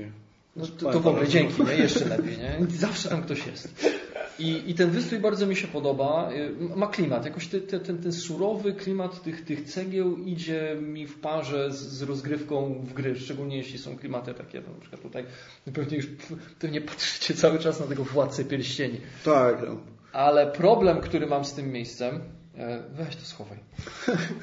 Problem, który mam z graciarnią, to jest właśnie powierzchnia, bo e, powierzchnia jest mała, te stoły są tam, no, no jest tyle, żeby można było jak najwięcej ludzi przyjąć, ja to jak najbardziej rozumiem, tylko że tam potrafi się zrobić czasem jak wszystkie stoły są zapełnione, ludzie sobie posiedzą, się rozluźnią, tam coś sobie wypiją, tam się robi naprawdę głośno Tak. i Yy, Tak jak byłem parę razy tam u Was, yy, no, oczywiście to były też takie okazje, jak tam, nie wiem, chociażby były jakieś urodziny, no to wiadomo, że będzie gwarno, bo jest to impreza, ale gdzieś tam byłem i chciałem coś pograć. Yy, Ja mam taki problem, że jak, jak jest taki hałas i są ci wszyscy ludzie, to mi się włącza jakiś socjopata. Ja mam kurwa w pewnym momencie ochotę tych ludzi pozabijać i stamtąd wyrzucić. Tak. Bo jest mi się ciężko skupić na rozgrywce i ja szczerze mówiąc, imprezówki, czy coś takiego prostego jak Star Realms, które tam mam obcykane, tak i gram w to z automatu, jak najbardziej, tak? Jak tam sobie graliśmy w Podaj Dalej, nie mogę sobie wyobrazić po prostu lepszych okoliczności, lepszego miejsca do gry w to, ale gdybym teraz miał tam siedzieć i grać chociażby, nie wiem, w klany Kaledonii, tak? I siedzieć i się zmurzać, ja bym nie był w stanie po prostu przy, przy, tym, przy tym hałasie, który tam się tworzy, przy tych wszystkich ludziach. To jest, to jest mój problem. E, Tak naprawdę powiem szczerze, że mm, graciarnia jest, tak jak sięgam pamięcią, yy, próbuję to znaleźć tam w odmętach mojej jakże zawodnej pamięci sklerotycznej, to to jest chyba jedyny lokal planszówkowy, w którym ja w ogóle byłem i grałem, tak? I, i prawdopodobnie w innych lokalach byłoby tak samo. Ale to jest mój problem, tak, że jak tam się nagromadzi ludzi, to ja nie jestem w stanie tam grać w coś, co wymaga skupienia. Natomiast piwo macie dobre i tam nawet niedawno byliśmy z kolegą w kinie obok, mieliśmy trochę, trochę czasu, to mm, tak, no dobra, to gdzie idziemy, bo kurczę, no tam bilety wzięte, tu pół godziny, mówię, stary, spoko, ja tu mam, ja tu mam sprawdzone miejsce, gdzie na pewno dostaniemy dobre piwo, była świetna porada yy, i, i naprawdę mm, każdy dostał to, co chciał, po krótkim wywiadzie, tak, zostało nam polecone, więc pod tym względem to też jest godne odnotowania i polecenia. Ale z tymi planszówkami mam tam właśnie taki delikatny problem. Natomiast nie wiem, czy zwiększenie powierzchni cokolwiek by dało, bo wtedy byłoby więcej stołów i też byłby... No, wiesz to dałoby trochę, bo dobry przykład jest tego knajpa, która się niedawno w miarę otworzyła w Gdyni. E, Ty jeszcze nie miałeś chyba przyjemności tam odwiedzić. Nie. Granie w lochu. Mhm. E, tam masz wygodne kanapy, gigantyczne, no gigantyczne, może przesadzam, duże stoły i tam jest ta powierzchnia dużo większa, bo tam jest 140 metrów, coś takiego, więc jest tego sporo. To jest tam, gdzie byliście z Gambitem, co kręciliście te tak, tak, toki? tak. I tam przez to, że jest to miejsce większe, to okej, tych ludzi tam niby może więcej wejść, ale też się ten dźwięk inaczej roznosi. Mhm. I ten ma, ma gdzie uciec, tak? A w graciarni, no to jakby jesteś w tej, tej, tej No, kubaturze, po prostu masz tak, że wszystko nad tobą. I teraz yy, i, i dlatego yy, no i granie w lochu wygrywa, jeśli chodzi o gry cięższe, bardziej skomplikowane i wymagające nie takiego skupienia się. No, graliśmy tam ostatnio w Zombicide, Zielona Horda chociażby i, i, i bardzo... Byłem, grałem, przegrałem. Zresztą, no, tak, my, my też. E, I byliśmy, wiesz, i, i do, do tego się sprawdza. Dlatego tak, graciarnia jest super, tylko ona, o, gdyby ona była większa, to, to, by, to by to, ale no, teraz pytanie, no, czy, ty, czy to, czy wy to, czy dla was, czy, dopóki ty tam byłeś oczywiście, czy to dla was był problem? Jedna z najlepszych recenzji, e, którą otrzymaliśmy na Facebooku, e, to była recenzja Słyszałem, że lokal fajny. Nie byłem z tego względu, że ciągle pełno zawalone, pełno ludzi. E, Dzwoniłem, rezerwacji też nie mogłem zrobić telefonicznie, więc daję jeden. Coś na zasadzie, słyszałem, że burger fajny, nie jadłem, jeden na dziesięć, nie? Więc takie, naprawdę takie otrzymaliśmy. No ale to w pewnym sensie też dobrze o Was świadczy, że, że macie cały czas full, tak? I do tego właśnie chciałem przejść. Czyli trochę E, na zasadzie nieważne jak mówią, byle mówili. No. Takie koło zatoczyliśmy. Tak. E, wiecie co? E, w- pod tym względem miejsca my byliśmy tego świadomi. My byliśmy tego świadomi od pierwszego dnia, znaczy pierwszego dnia może nie do końca, bo pierwszego dnia trochę się baliśmy tego, że w ogóle nikt nie przyjdzie, że mamy za dużo miejsca nawet, ale o, po pierwszym tygodniu, po pierwszym miesiącu praktycznie wiedzieliśmy, że kurczę, zainteresowanie jest duże. My mieliśmy w pewnym momencie rezerwacje dwa, trzy tygodnie w przód praktycznie robione, więc e, u szczytu takiej formy, że tak to ujmę, to nawet były miesiąc przód robione rezerwacje na spokojnie i e, momentami były pozapychane niektóre terminy. Wiadomo, jeżeli chodzi o terminy około weekendowe, no to one schodziły zdecydowanie szybciej, jakoś lepiej ludzie świadomi tego, że słuchajcie, no lokal jest mały, oni tak te rezerwacje robili. Ale coś ich tam przyciągało. I ci ludzie wracali do nas, a my staraliśmy się podołać wszystkim tym wyzwaniom. Czyli staraliśmy się być na tyle różnorodni, e, żeby nie tylko pokazać się od strony gatewayowej, dla, wprowadzić nowych graczy, nie tylko imprezowej, ale też organizować inne imprezy.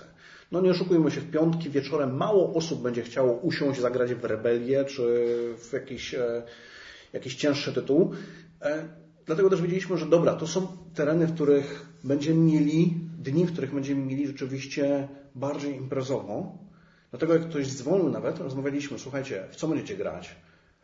No wiecie, tego dnia może być ciężko, czy może byście nie chcieli, bo właśnie któregoś innego dnia przyjść. Gadaliśmy z tymi ludźmi. My zawsze, naszą mocną stroną była właśnie ta komunikacja, więc za każdym razem staraliśmy się porozmawiać z tymi ludźmi. Nie pytaliśmy się na przykład, wiesz, jakiej wielkości potrzebujesz, e, jaki stolik na ile osób, tylko e, dobra, w co będziecie grać? Okej, to potrzebujesz taki taki stolik. Wiedzieliśmy, co będzie do tego pasować. Nie? Staraliśmy się już to dopasować pod ludzi. Taka Oni nawet powiedzieli, jakie piwo będzie pasowało, tak jak do potraw. Nie? Przychodzili i mieli na tacy. z rachunkiem od razu otwartym. Nie, to pod tym Już względem do rebelii to jakiś taki lekki lagerek, tak? a do dochodzenia to lepiej woda od razu, tak. której Więc swoją starać- nie macie, nie? Nie, nie. Znaczy nie, nie mieliście, nie ma tam. To nie, e, zawsze miało być właśnie kraftowe piwo, Mhm. ewentualnie jakieś takie soft drinki na zasadzie właśnie cydru, czy no nie wiem, jak tam w kategoriach, e, jak to się wlicza, bo to raczej piwem, nie wiem, cydr chyba nie jest piwem jakimś, Napój no, napój alkoholowy. jakiś taki Piwo właśnie. to nie jest. No, więc pod tym względem. E, I staraliśmy się też właśnie dopasować dla tych właśnie cięższych graczy, organizując niedziel, niedziel gry, organizując właśnie jakieś wydarzenia stricte pod nich dopasowane, masę premier, e, właśnie takich wydarzeń, na których mieliśmy zablokowane te stoliki, e, które cieszyły się dużym powodzeniem. Dużo osób przychodziło właśnie, nawet na Godfathera pamiętam. Mieliśmy e, największą liczbę osób w Polsce praktycznie pod tym względem. Nawet już jak dobra porównujemy się do tego Hexa, wcześniej mówiliśmy, no to Hex w tygodniu nie zgromadził tyle osób do Godfathera, co my w jeden dzień. Więc tutaj pod tym względem mieliśmy naprawdę wielkie zainteresowanie. Więc to było naprawdę fajne. A Czy ciężko będzie ściągnąć na Godfathera więcej osób niż Hex? Super easy. Very convenience. Nie, było naprawdę, ma, jest masa osób, które praktycznie przychodziły do nas e, grać w prototypy, bo też właśnie rozkręciliśmy tą scenę prototypową. Masę osób z całej Polski zapraszaliśmy, czy to właśnie Imagine Rim, Jarka, e, którego właśnie tutaj e, poznałem i z którym właśnie też e, no, współpracowaliśmy poniekąd.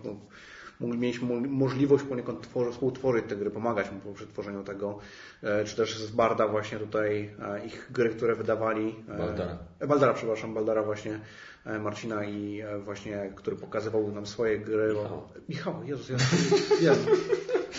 Problem z imionami, tak, tak. I tutaj właśnie pod tym względem i też właśnie e, no, gra właśnie e, Król Złodziei, na której pojawiło się nasze logo. E, Pierwsza gra.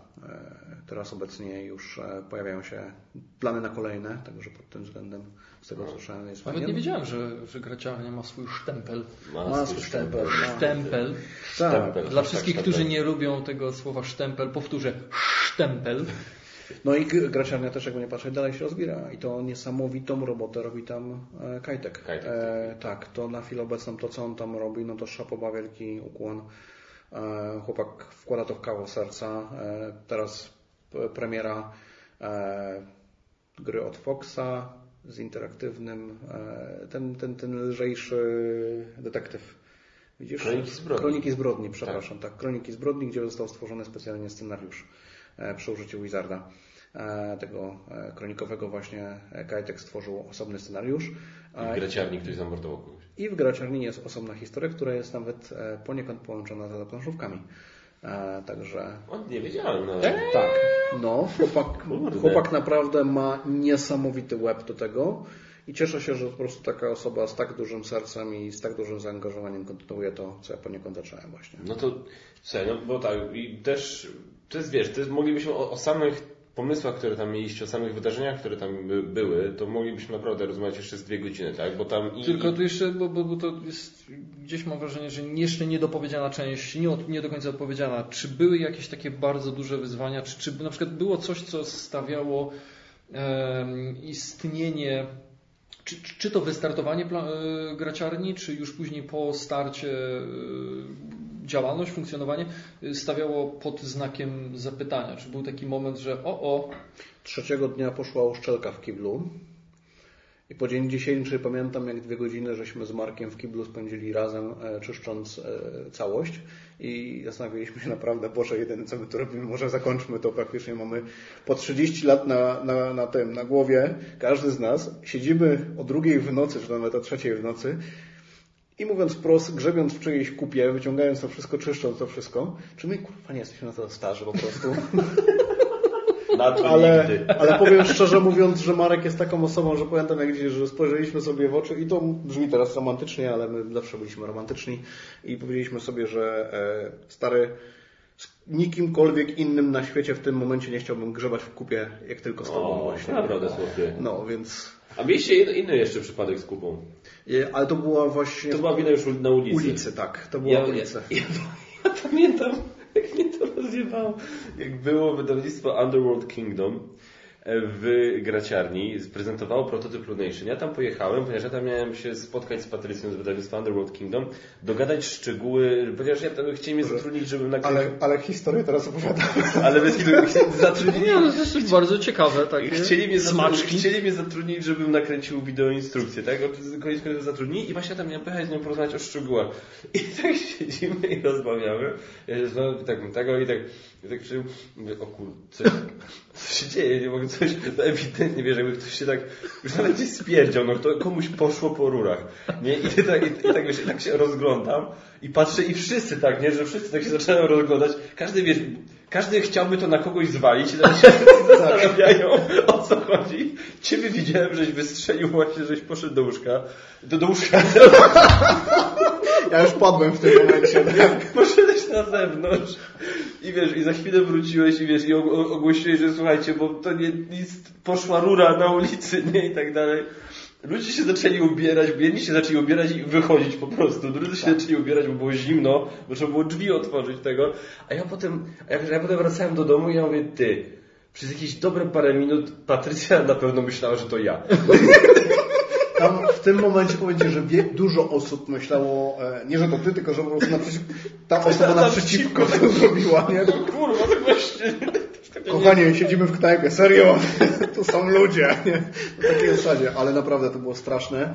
E, no ale to się okazało, że to był problem kanalizacji na całej ulicy i wtedy tego dnia naprawdę wszyscy cierpieli, bo tam w tej okolicy praktycznie Tak. jest parę knajp, e, parę miejsc i wszyscy mieli straszny dzień i straszny tydzień, że tak to ujmę, bo to trzeba później było wietrzyć. To była naprawdę tragedia pod tym względem. To naprawdę dawało równo. Ale, ale i, i, i, czyli właśnie, czyli, czyli, czyli bo że mieliście te obawy, tak, że ten pierwszy, że wiesz, że ludzie nie będą przychodzić i tak dalej, no ale, ale wiesz, teraz właśnie zadany, pytany o to, mówisz właśnie o tej, tej anegdocie właśnie z tą życzelką i tak dalej. No to przyszło na myśl pierwsze. Ja wiem, ale nie, czy, czy, ale bo, To były wasze największe problemy, gówno? Nie, nie. Było dużo problemów e, od strony też takiej niedogadywania się w pewnym momencie praktycznie, a od strony właśnie, w którym, w którym kierunku to ma do miejsca pójść. E, Znaczy ja bardziej myślałem o jakichś takich, nie wiem, przeszkodach y, prawnych, finansowych, nie wiem, że ktoś wam coś zdemolował, narysował sprajem jakiegoś kutasa na drzwiach. No, no dobra, to, to jest mniejszy Eee. problem niż gówno. Razu pewnego, znaczy z takich po pierwsze, na przestrzeni tego mojego okresu, co ja tam byłem, e, czyli prawie dwa lata, przepraszam, e, została skradziona tylko jedna gra i to był Time's Up. Tylko jedna, także pod tym względem... nawet nie wiem, co to no, jest, więc dlatego od razu sprzedałem. Z autografem, tak? No, e, ze zdjęciem z graciarni, tak? A także pod tym względem e, z gier zalanych trochę było. Największa zalana strata, którą udało się odratować, to teraz w ogóle teraz będzie o Jezus, to jak to może być? Chaos w starym świecie. Tak, O, tak, ale to była gra, którą zabiłbym. Teraz e, właśnie ciekawostka, tych chaosów parę jeszcze jest. Nówek nieśmiganych. E, Parę dni, parę tygodni przed otwarciem graciarni Marek sobie jechał przez e, malutką miejscowość, jakąś wioskę zabitą deskami. Przejeżdżając koło sklepu chyba stanął chyba kupić jakiś napój i tak spojrzał. O, chaos na wystawie. O, przeceniony.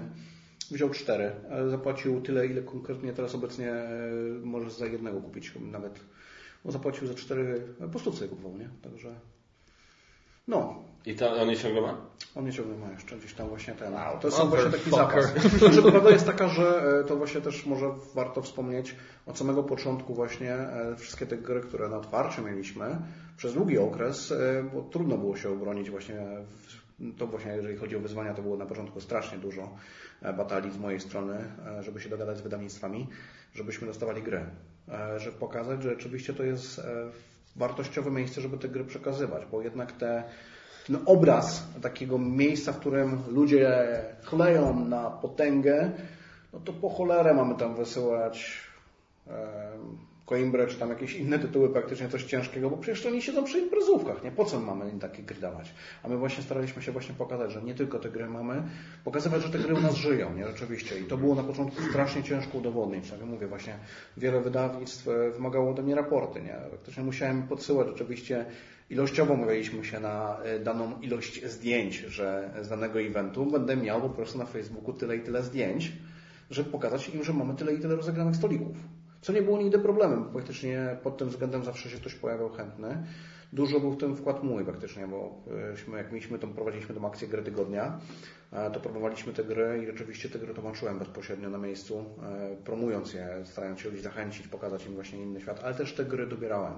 To nie były gry, które były po prostu a jest teraz premiera, hype, to bierzemy ją od razu, bo nie, na, no, pierwszą grą, którą mieliśmy to było King Domino, nie? To była gra, która praktycznie no, pasowała, że pasuje jako idealny gateway dla każdego, żeby pokazać ludziom faktycznie jak to e, obecnie planszówki wyglądają, nie? No i to rzeczywiście się sprawdziło, nie? Później mieliśmy Spartakusa nawet, nie? I też e, genialnie przyjęty był. Masa osób, która się pojawiła na premierze, masa osób, która grała później, dalej grają, nawet teraz e, widziałem zdjęcie, jadąc tutaj właśnie z meetupów, które się spotykają co dwa tygodnie właśnie w graciarni i chłopaki też grali właśnie Spartakusa, także to jest naprawdę, e, są tam, tam gry, praktycznie ciężko mi powiedzieć, że była jakakolwiek gra, która by się tam nie była grana, bo szachy, nawet szachy, nawet, e, nawet Monopol, E, nawet, nawet jakieś takie tytuły, które są po prostu hejtowane pod stron, strony właśnie takich planszówkowych guru. Co wiadomo, że to są tytuły, które oczywiście każdy z nas gdzieś za, zaczynał z nimi, każdy z nich pamięta. Tak, u nas tam są. Ktoś przychodził i się pytał czy macie, no to nawet jeżeli danego tytułu nie mieliśmy, to potrafiliśmy jakieś, jakieś zastępstwo pokazać, coś po prostu, żeby przedstawić. Nie? No ale to było naprawdę duże wyzwanie, żeby wydawnictwom pokazać, że to jest opłacalne dla nich, żeby nam przekazali grę. Mało tego, żeby nam przekazali drugą kopię e, na, jako nagrodę na wydarzenie. E, wielokrotnie zresztą na samym początku, przez bardzo długi okres płaciliśmy za tę grę, nie? więc My płaciliśmy zarówno na, za gry, które tam dostawaliśmy do nas na lokalu. Dostaliśmy, dostawaliśmy zniżkę, nie mówię, że nie, bo dostawaliśmy zniżkę, ale płaciliśmy za nagrodę. I ta nagroda z naszej, z naszej kieszeni szła. Okej, okay. ale i tak byś chciał wyróżnić może jakieś wydawnictwa, które tak od początku Was uwierzyły i... E... Kaszma chce, żebyś powiedział portal. Ja wręcz podejrzewam, że portal mógł być jednym z ostatnich. Portal e, był ciężko, portal miał na przestrzeni, e, miał zmianę dużą. Jak my ruszaliśmy, potem była zmiana w tych e, lokalnych reprezentantach, sejcach, nie wiem jak to się mówi praktycznie, tych właśnie swoich, więc tutaj było trochę ciężko nawiązać współpracę, ale jeżeli chodzi o taką naprawdę one hit wonder, tak to mówimy, że po prostu napisałem do chłopaków i od razu wszystko było, no to nieistniejący już i zahejtowany. Auć. Tak. Naprawdę? Tak. Games Factory? Games Factory. Chłopaki praktycznie, ja z nimi, e, nie będę, nie będę też ściemniał, ja się z nimi znałem, poznałem się z nimi na Essen właśnie, którzy właśnie jechali wtedy mając w swoim portfolio tylko i wyłącznie Dominiona. I to była taka rozmowa 10-minutowa na lotnisku i później, rok później praktycznie, oczywiście napisałem do nich, pamiętacie tego gościa, kto gadał na tym, na lotnisku z Wami? Mamy taki lokal teraz, nie? No i nie by chcielibyście, nie? I jak taki o King Domino napisałem, E, pamiętam, odpowiedź była spoko, nie ma problemu, paczki wysyłamy. I naprawdę następnego dnia dostałem e, przesyłkę. E, genialnia, genialna współpraca też z Baldarem. Mhm. Niesamowita, ale to po prostu, no, Michał, Michał, Michał. Michał. E, przyszedł praktycznie jeszcze przed otwarciem i spojrzał na półki, mówi, dobra, czego nie macie? No, akurat wszystko miałem. No ale, ale mówi, jakbyście czegokolwiek potrzebowali, macie od razu, jak będzie jakaś premiera, macie od razu wrzucane, e, bez jakiejkolwiek e, restrykcji praktycznie też nie było. Z Rebelem e, różnie bywało. Różnie bywało. Powiem, że też e, zmiana przy Asmodee, przejęciu Asmodee też była miała duży wpływ na naszą współpracę, ale wtedy zmienił się ich program wspierania właśnie takich miejsc ogólnie. No ale właśnie jeżeli chodzi o Games Factory, to oni byli naprawdę na czele pod tym względem. Oni byli pierwsi, którzy rzeczywiście się pojawili, pierwsi, którzy się odważyli w ogóle zrobić premierę u nas. E, no Spartacus w tamtym okresie to był duży tytuł e, i my mieliśmy od nich pozwolenie jako e, nomen, nomen, mianowania się lokalem, który przeprowadza tą polską premierę, nie? więc pod tym względem to było naprawdę niesamowite dla nas. Nie? Wow. Więc... Próbuję sobie przypomnieć, ale się zastanawiam, czy przypadkiem Games Factory nie było też pierwszym wydawnictwem, które umieściło nas na pudełku. No. Jest tak, wiesz, nie zawsze było. Też no, jakoś nie, nie, posłużyło im to. No. Współpraca jeszcze... z, z, graciarnią, z Geek Factor. Też jeszcze muszę wspomnieć e, Jarka, którego wcześniej właśnie wspominałem, e, Imagine Real. Mhm. Facet, który jechał do nas, Jezus, 10-12 godzin, pamiętam, że pociąg był opóźniony jeszcze jakoś ten, niesamowicie i robił prezentację swoich gier, e, naprawdę wielkie show odwalił tam wtedy po prostu faktycznie z ludźmi. To jest wariat. To no jest, to jest, to jest wariat, to jest człowiek, to jest niesamowity człowiek, ale naprawdę on później, parokrotnie się później pojawił w graciarni, ale to było zawsze no, wydarzenie tam, Raz tam pochlaliśmy. No, ale że ten człowiek tyle zmieści sobie alkoholu, to jest nie? To jest, tak, ja też byłem, też ja byłem dużym bo on, no, no, bo on w wojsku był, nie? No to to jest... to zdaje się dobra, dobra szkoła. Ja pamiętam, po 12, on po 12 godzinach e, wysiadł z pociągu, ja, była godzina 10, 11, wpadł do graczarni w drodze do hotelu. No dobra, ja się będę zawijał już trochę późno, nie będę ten tak długo siedział. On mówi, no spoko, to może wpadnie na jakieś piwko. Następnego dnia Chłopaki mi opowiadają o kolesiu, który wpadł około północy i praktycznie łoił jedno za drugim.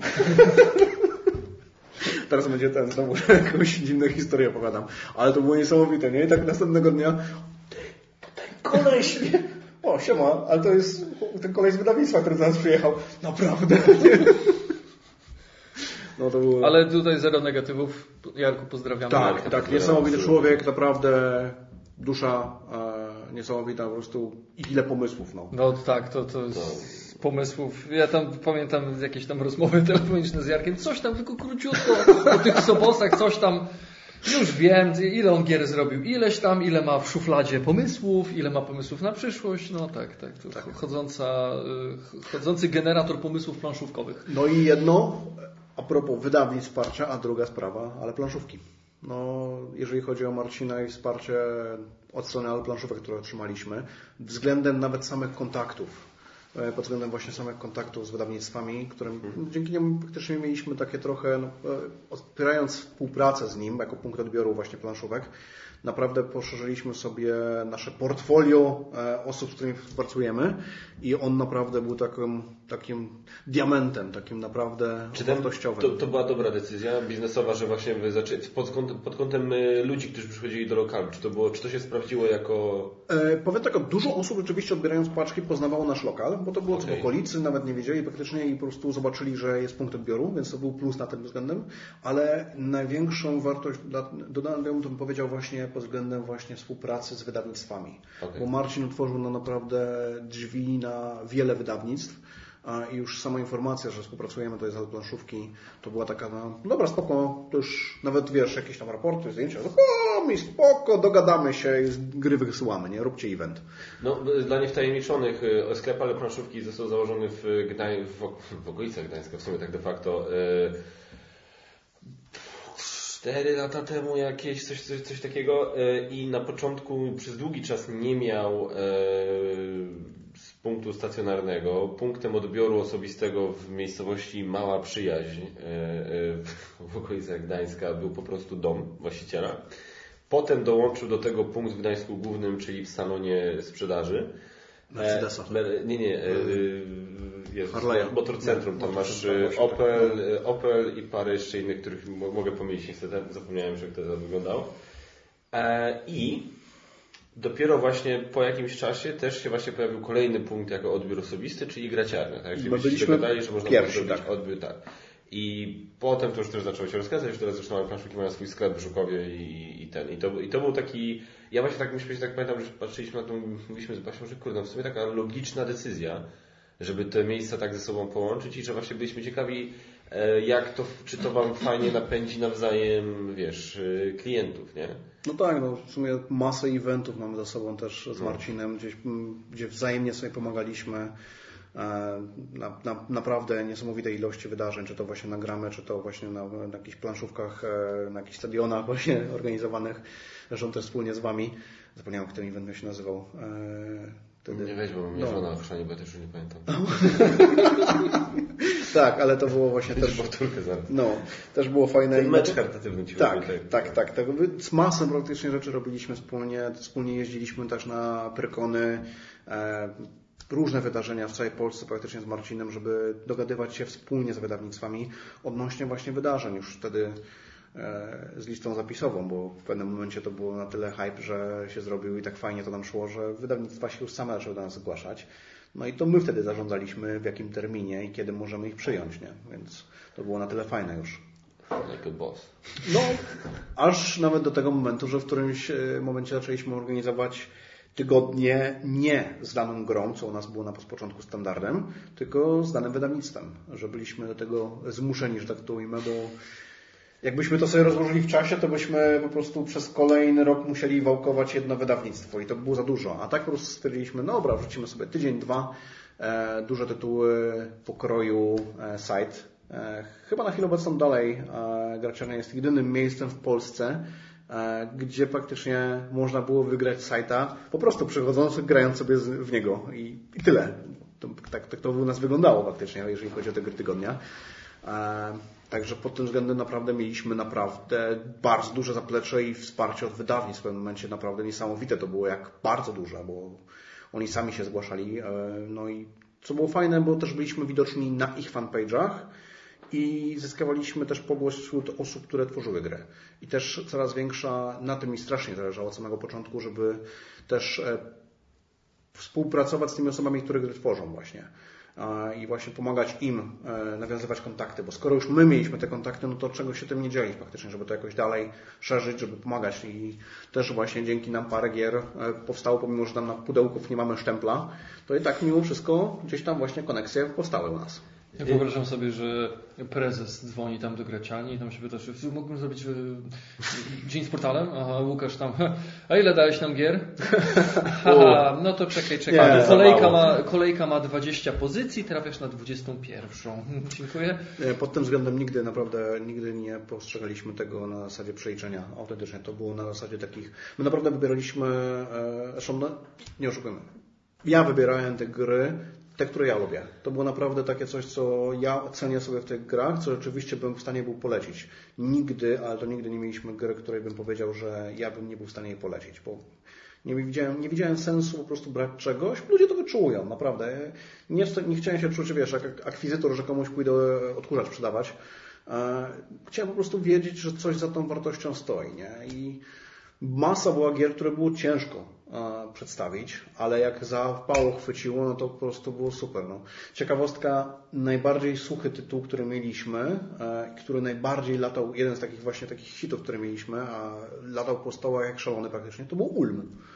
Gra, o. która praktycznie jest mało e, doceniana, od strony właśnie takiej, mało się o niej mówi, a u nas naprawdę ona robiła furorę. Po prostu było masa osób, która przychodziła. To jest naprawdę sympatyczny tytuł. Mm. On no, ty, ty nie grałeś w ogóle, nie? To, to ma świetną mechanikę właśnie. No, jest bardzo fajna jest mechanika i też uważam, że to jest całkiem niezły gateway do, do, do świata sucharków, bo jest, jest lekki, ma, ma dosyć proste zasady, a ma ten ciekawy właśnie mechanizm. Tam, no, no no to ciekawe, to, to nawet nie, nie wiedziałem. To, sorry, bo, też uważam to za grę dosyć mocno niedocenioną. Tak, tak, tak, tak. Tym bardziej, że ta cena jej na przestrzeni lat też niestety spadła tak bardzo, niestety, niestety, no jako e, dla osób, które by teraz jakoś szukały jakiejś fajnej gry w dobrej cenie i nie no mają... To akurat. Tak, to naprawdę jest super. No to słuchaj, no bo to, to, co tutaj mówisz, to się maluje taki obraz, zresztą no też potwierdzamy, tak, bo widzi, wi, widzieliśmy, tak, widzimy te wszystkie wydarzenia, które się kryją właśnie te, tydzień z grą, wiesz, tutaj właśnie pr, pr, prototypy. Ja też nawet jakiś... myślałem, żeby was odlajkować, znaczy was, no przepraszam, cały czas tak, graciarnie odlajkować na Facebooku, no bo ciągle coś. No, tak, spotkania, wiesz. Już odlajkowałem te wszystkie matki, które tam się chwalą, że dziecko powiedziało pierwsze słowo i tak dalej, a tu graciarnia co chwilę coś. I wiesz, i Ach. nawet spotkania, kurde, robiłeś, wiesz, nawet myśmy się załapali na, na, na, na zrobienie, wiesz, spotkania z Geek Factor i tak dalej. I więc, i to, co się tutaj maluje, no to jest taki obraz takiego podejścia, gdzie jest cały czas myślenie, cały czas co jeszcze można, co jeszcze, co jeszcze możemy wymyślić, co jeszcze możemy zrobić, tak, jaki event, z kim pogadać, z kim się zapoznać, z kim nawiązać jakąś relację. I e, powiem tak, te poprzednie knajpy, o których Ci mówiłem, które zamknęli, czyli ta knajpa w Dyni, knajpa w tym, w ten Tabletop Cafe, no one ewidentnie tego nie robiły. Jeżeli tak Dyni coś tam próbowała, tam organizowała Mistrzostwa Polski w Narushima Hex na przykład, więc jakieś tam podejścia, próby były, ale no nie na taką skalę, tak? To było bardziej na zasadzie zostawienie tego, jakiej takiej knajpy i to jest knajpa i przyjść do knajpy. A, a, a nie było tego. Czy, tak, czy ty byś na przykład mógł powiedzieć, że właśnie to podejście to był klucz do sukcesu? Nie, nie ma, nie ma takiego czegoś jak klucz do sukcesu. Nie ma recepty, nie ma takiego czegoś. Może na chwilę obecną, wiesz, otworzenie miejsca bez tego też by obserwowało, że po prostu będzie wielki sukces. Nie ma naprawdę czegoś. Musisz naprawdę dopasowywać cały czas. To, to co my, mi się wydaje, jeżeli chodzi o właśnie taką największy nasz atut, to było to, że my e, widzieliśmy, co ludzie potrzebują i my to zmienialiśmy, dopasowywaliśmy. Non-stop, permanentnie to dopasowaliśmy. To był właśnie ten kręciołek taki właśnie. Okay. Ten właśnie ten, bo to jest, to jest właśnie takie coś, ale jeżeli chodzi o taki właśnie jedno, jedno coś, co wiesz, byłoby kluczem, to nie ma takiego czegoś, bo naprawdę my działaliśmy na tylu różnych e, płaszczyznach, nie? Bo planszówki planszówkami, przecież e, wernisaże, które tak. organizowaliśmy, e, dalej są organizowane zresztą, wystawy e, nawet były robione u nas. No, krana przejęcia. Dla wszystkich osób, które nie wiedzą, krana przejęcia to jest, gdy browar pojawia się w danym miejscu i przejmuje krany i po prostu z danego, danego dnia, danego wieczoru, na danym wydarzeniu leje się tylko piwo danego browaru praktycznie, więc e, też mieliśmy tego masę pod tym względem. No, więc po prostu masę wydarzeń około planszówkowych, które naprawdę działało. E, stand-upy zresztą też organizowaliśmy, też e, parę razy wypaliły, całkiem fajnie nawet. E, no, naprawdę masę, masę różnych, przeróżnych. Koncert nawet mieliśmy u nas. Także masę różnych, przeróżnych rzeczy było robionych pod, pod tym względem. Ja wiedziałem, A kapella, tak? Tak. Jedna osoba, tak? Nie, nie, na gitarze i chłopak. Eee, Już nie wyobrażam sobie tam nie? takiego Ale było pełnego też zespołu. Było. Znaczy, no, takie prywatne, bardzo impreza prywatna. To było naszych, naszych bardzo bliskich znajomych, którzy bardzo dużo przełożyli pod względem właśnie stworzenia tego lokalu. Także, no. No, no dobra, no to, czyli i, i, no to teraz ewidentnie to jest sukces, tak? No to tak, żeby zamknąć też już, już jesteśmy też świadomi trochę czasu, który Mm. upływa, to skoro to jest taki sukces, to czemu Ciebie tam nie ma? Teraz już.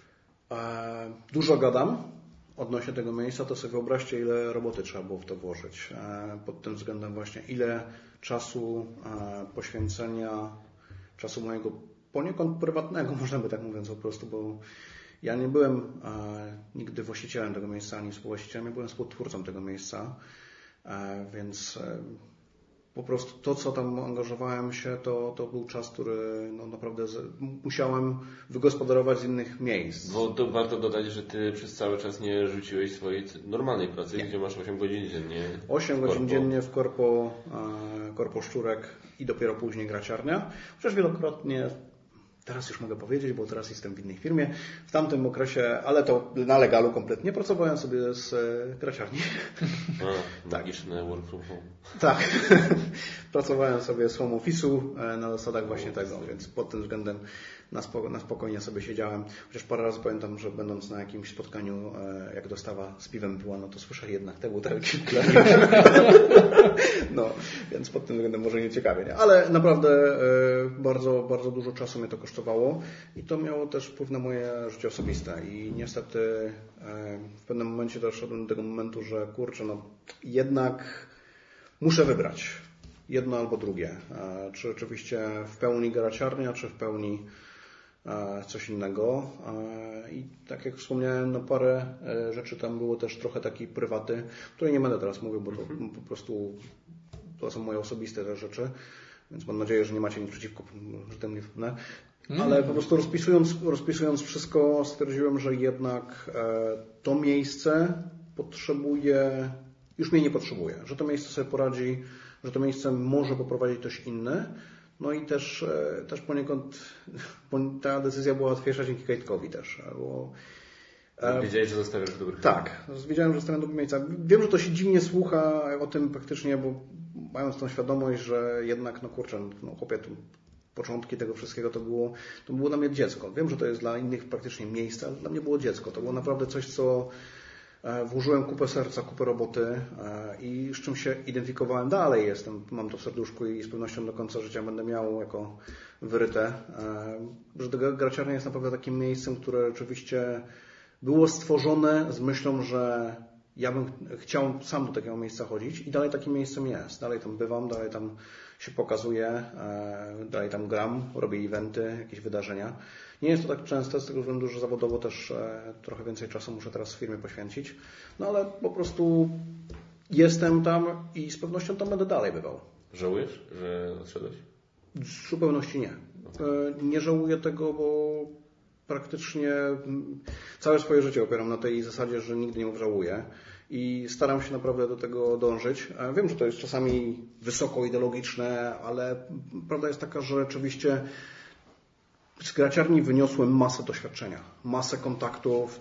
Poznałem tak niesamowitych ludzi jak Was. e, Poznałem, poznałem wiecie, lus- osób, osoby, które dla mnie wcześniej były czy to głosem, czy to e, słowem pisanym, czy to właśnie e, pokazane na ekranie monitora. Nie?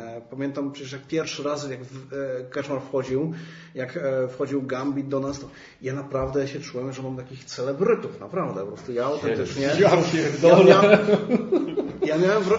autentycznie Gdyby ten stół był lżejszy, to się. Pozdro dla kumatych. Wiesz, Pablo jak się pojawił, Jezu, ja pamiętam Pablo, jak e, parę lat wcześniej widziałem go na Pyrkonie, jak prowadził e, zamiętą tą licytację, przecież ktokolwiek właśnie uczestniczył w tych licytacjach, e, czy tam rozwiązanych konkursów właśnie na Pyrkonie, no to wie, jak Pablo jest niesamowitym, jakim jest on showmanem, to po prostu dla mnie przecież, przecież pewnie w pewnym momencie informacja, jak Paweł stwierdził, że odchodzi z Rebela, było przecież on jest kurwa właścicielem, przecież on jest rebelem. Nie? Paweł równa się rebel. No, to było po prostu co jest się dzieje. No i to było naprawdę dla mnie e, takie poszerzenie horyzontów i takie też sprowadzenie na ziemię, e, bo jednak ten ekran stał się po prostu zaporą, która przestała istnieć i poznałem ludzi, naprawdę ludzi, nie celebrytów, tylko ludzi. Poznałem ludzi, którzy właśnie też lubią grać, ludzi, którzy mają tą pasję, e, dążą do tego samego. E, nie powiem, że nie przejechałem się na paru, bo tak, było też faktycznie. Też miałem złe doświadczenia, które też rzeczywiście gdzieś tam były na przestrzeni tych lat, ale to było dość, zawsze doświadczenia. To była jakaś wartość, którą miałem i coś, co zdobyłem. I to było naprawdę fajne. I to naprawdę już tylko dlatego nigdy nie powiem, że nie żałuję tego czasu i nie żałuję tej decyzji, że e, zrezygnowałem, bo to odmieniło też moje życie. Od strony prywatnej też bardzo, nie? I to też mi zależało na tym, żeby przerwać to w takim momencie, w którym stwierdzę, że jeszcze e, jesteśmy z Markiem przyjaciółmi, jeszcze mamy tą miłość w oczach patrząc na siebie, e, jeszcze moglibyśmy w stanie tą kupę wyciągać z tych rur. No i dalej właśnie to jesteśmy w stanie, bo na tym mi też najbardziej zależało, że nie będziemy się kłócić, tylko pożegnamy się kumple i dalej kumplami, dalej przyjaciółmi zostaniemy. I dalej jesteśmy, dalej jesteśmy w kontakcie i naprawdę dalej nam sobie wzajemnie zależy, nie? Więc pod tym względem to też było dla mnie taką wartością. No to żeby tak poetycko zakończyć, to życzę, abyście jak najdłużej mieli ochotę razem wyciągać kupę, przyjąć. Nie. Nie. Moja wyobraźnia już ruszyła w bardzo bo to już ta, złe rejony. Ta pora, ten czas. Łukasz, y, no jesteś, y, wiesz, kiedyś sobie pamiętam, żeśmy sobie obiecywali, że będziemy podcasty starać się trzymać takiej zgrabnej półtorej godzinki. To półtorej godzinki temu było, tak? tak. To było godzinę temu. E, ale nie no, Łukasz, no bardzo, bardzo fajnie się z tym rozmawiało. Na pewno chcielibyśmy, żebyś kiedyś jeszcze wrócił i niewykluczone, że ludzie będą mieli jakieś pytania na temat jeszcze może prowadzenia knajpy, na które, no jest tego, tych aspektów jest dużo, tak? To nie jest prosty temat. Gdyby był, to by ludzie, to, to by to ludziom lepiej szło u nas w którym mieście najwyraźniej. A, a tak, wiesz, więc jakby pewnie jakieś pytania jeszcze będą, to może zrobimy po prostu, że tak powiem, powtórkę z rozrywki. I teraz tak się zastanawiam, e, wracając jeszcze też, zataczając pewne koło, wracając do tych knajp, które upadły i ta, o której mówiłeś, że tam no, gierki gierkami, duże stoły, ale tam fit i tak dalej, ale może to nie tu jest der Hund begraben, e, tylko, pozdro dla kumatych, e, tylko właśnie może mimo wszystko gdzieś tutaj na tym rynku potrzeba takiego zaangażowania, tylu pomysłów, takiej tak. aktywnej działalności, a nie tylko na zasadzie postawię stoły, postawię gry i niech się samokręci. No, no dokładnie tak. No, to, to, no, to tak jak Łukasz powiedział, tak, nie ma klucza do sukcesu i no, widocznie tam coś, coś nie zagrało. No tam, ale tutaj ta... gra tak jak trzeba, no, gra Myśl, jest, jest to, wiesz, jest to specyficzne środowisko i wymaga pewnej porcji kreatywności, tak, żeby się w tym poruszać umiejętnie. I moim zdaniem tam gdzieś po prostu zabrakło pomysłu na to. Tutaj ewidentnie ten pomysł był i przede wszystkim to, co, to, wiesz, mówisz, że nie ma klucza, ale z jednej strony powiedziałeś co takim, co na pewno częścią tego klucza by było, czyli umiejętne obserwowanie i dostosowywanie się do tego, co się dzieje wokół ciebie, do tego, co słyszysz, do tego, jak ludzie reagują na coś. E, to jest moim zdaniem gdzieś tam, to, to jest istotne, tak? To jest, to jest część, nie wiem, czy można powiedzieć, że Geek Factor odniósł sukces, e, ale no, jest to część tego, co my tutaj robimy też, tak? I, i, i to jest zdecydowanie coś, co bym polecał każdemu jako taką poradę i no ewidentnie sprawdziło się u Was, tak? I... Prawda jest taka, że to miejsce, wiadomo, no, one musi na siebie jakoś zarabia, zarabiać. Nie? No, nie zarabia dlatego, że wiesz, mamy zajebiście dużo gier, że mamy dobre piwo, tylko że mamy klientów. A ci klienci tutaj przyjdą nie tylko dlatego, że jest miejsce z dużą ilością gier, tak. takich miejsc sporo. Że jest piwo, jeszcze więcej. No, jakby nie patrzeć, w, w którym mieście tego jest masa musi być zawsze coś wyjątkowego, coś, co sprowadzi tych ludzi właśnie do tego miejsca, jakiś taki właśnie kwiatek, coś, co powiecie, ok, tam jest to coś, idziemy tam, nie? Łukasz, dzięki wielkie. E, tak podpisuję się pod tym obiema ręcami. E, mam nadzieję, że jeszcze będziemy, no na pewno będziemy się jeszcze widzieć, mam nadzieję, że będziemy jeszcze mieli okazję nagrać jakiś podcast. Piszcie w komentarzach, co byście jeszcze tam chcieli się dowiedzieć. Może ten, może Łukasz na prostu w komentarzach Wam tam jak coś krótkiego i prostego, to z chęcią odpowie. Eee, po, po niemiecku też, tak. Eee, coś jeszcze chcesz na zakończenie? W ogóle ty myślałem, że masz kota z Nemesis na tym. Ty, no bo on tak wygląda, ale wiesz co jest zajebiste? Znaczy jest duży zbieg okoliczności, bo to też jest kot astronauta, to jest, najsłodsze jest to, że on ma wycięte dziury w tym swoim he- kasku, żeby uszka wystawały. Nie, to jest akurat z e, najnowszej płyty Widzę Townsenda, tak. Empath, ale no jak tylko zobaczyłem, patrzę, koszulka kot, nie no kurwa, bierę. Jest mój rozmiar? tak jest. No to and take my money. Ale tak, no, no jest, przypomina od razu też skojarzenie z Katonautem, y, czy tam Tak. kat, kat, no tak, Katonaut z Nemesis. Dawaj tego e, glans e, szynka knebel. Kończymy Dobra. i gramy. W ogóle tu jest zimno. Dzięki wielkie za wszystkim za słuchanie i za oglądanie i tradycyjnie zapraszamy Was do subskrybowania, komentowania, lajkowania, ale przede wszystkim Do oglądania i do szpilowania. do szpilowania. Trzymajcie się, cześć, dzięki Łukasz. Dzięki. Cześć. Hej. Dobrze było.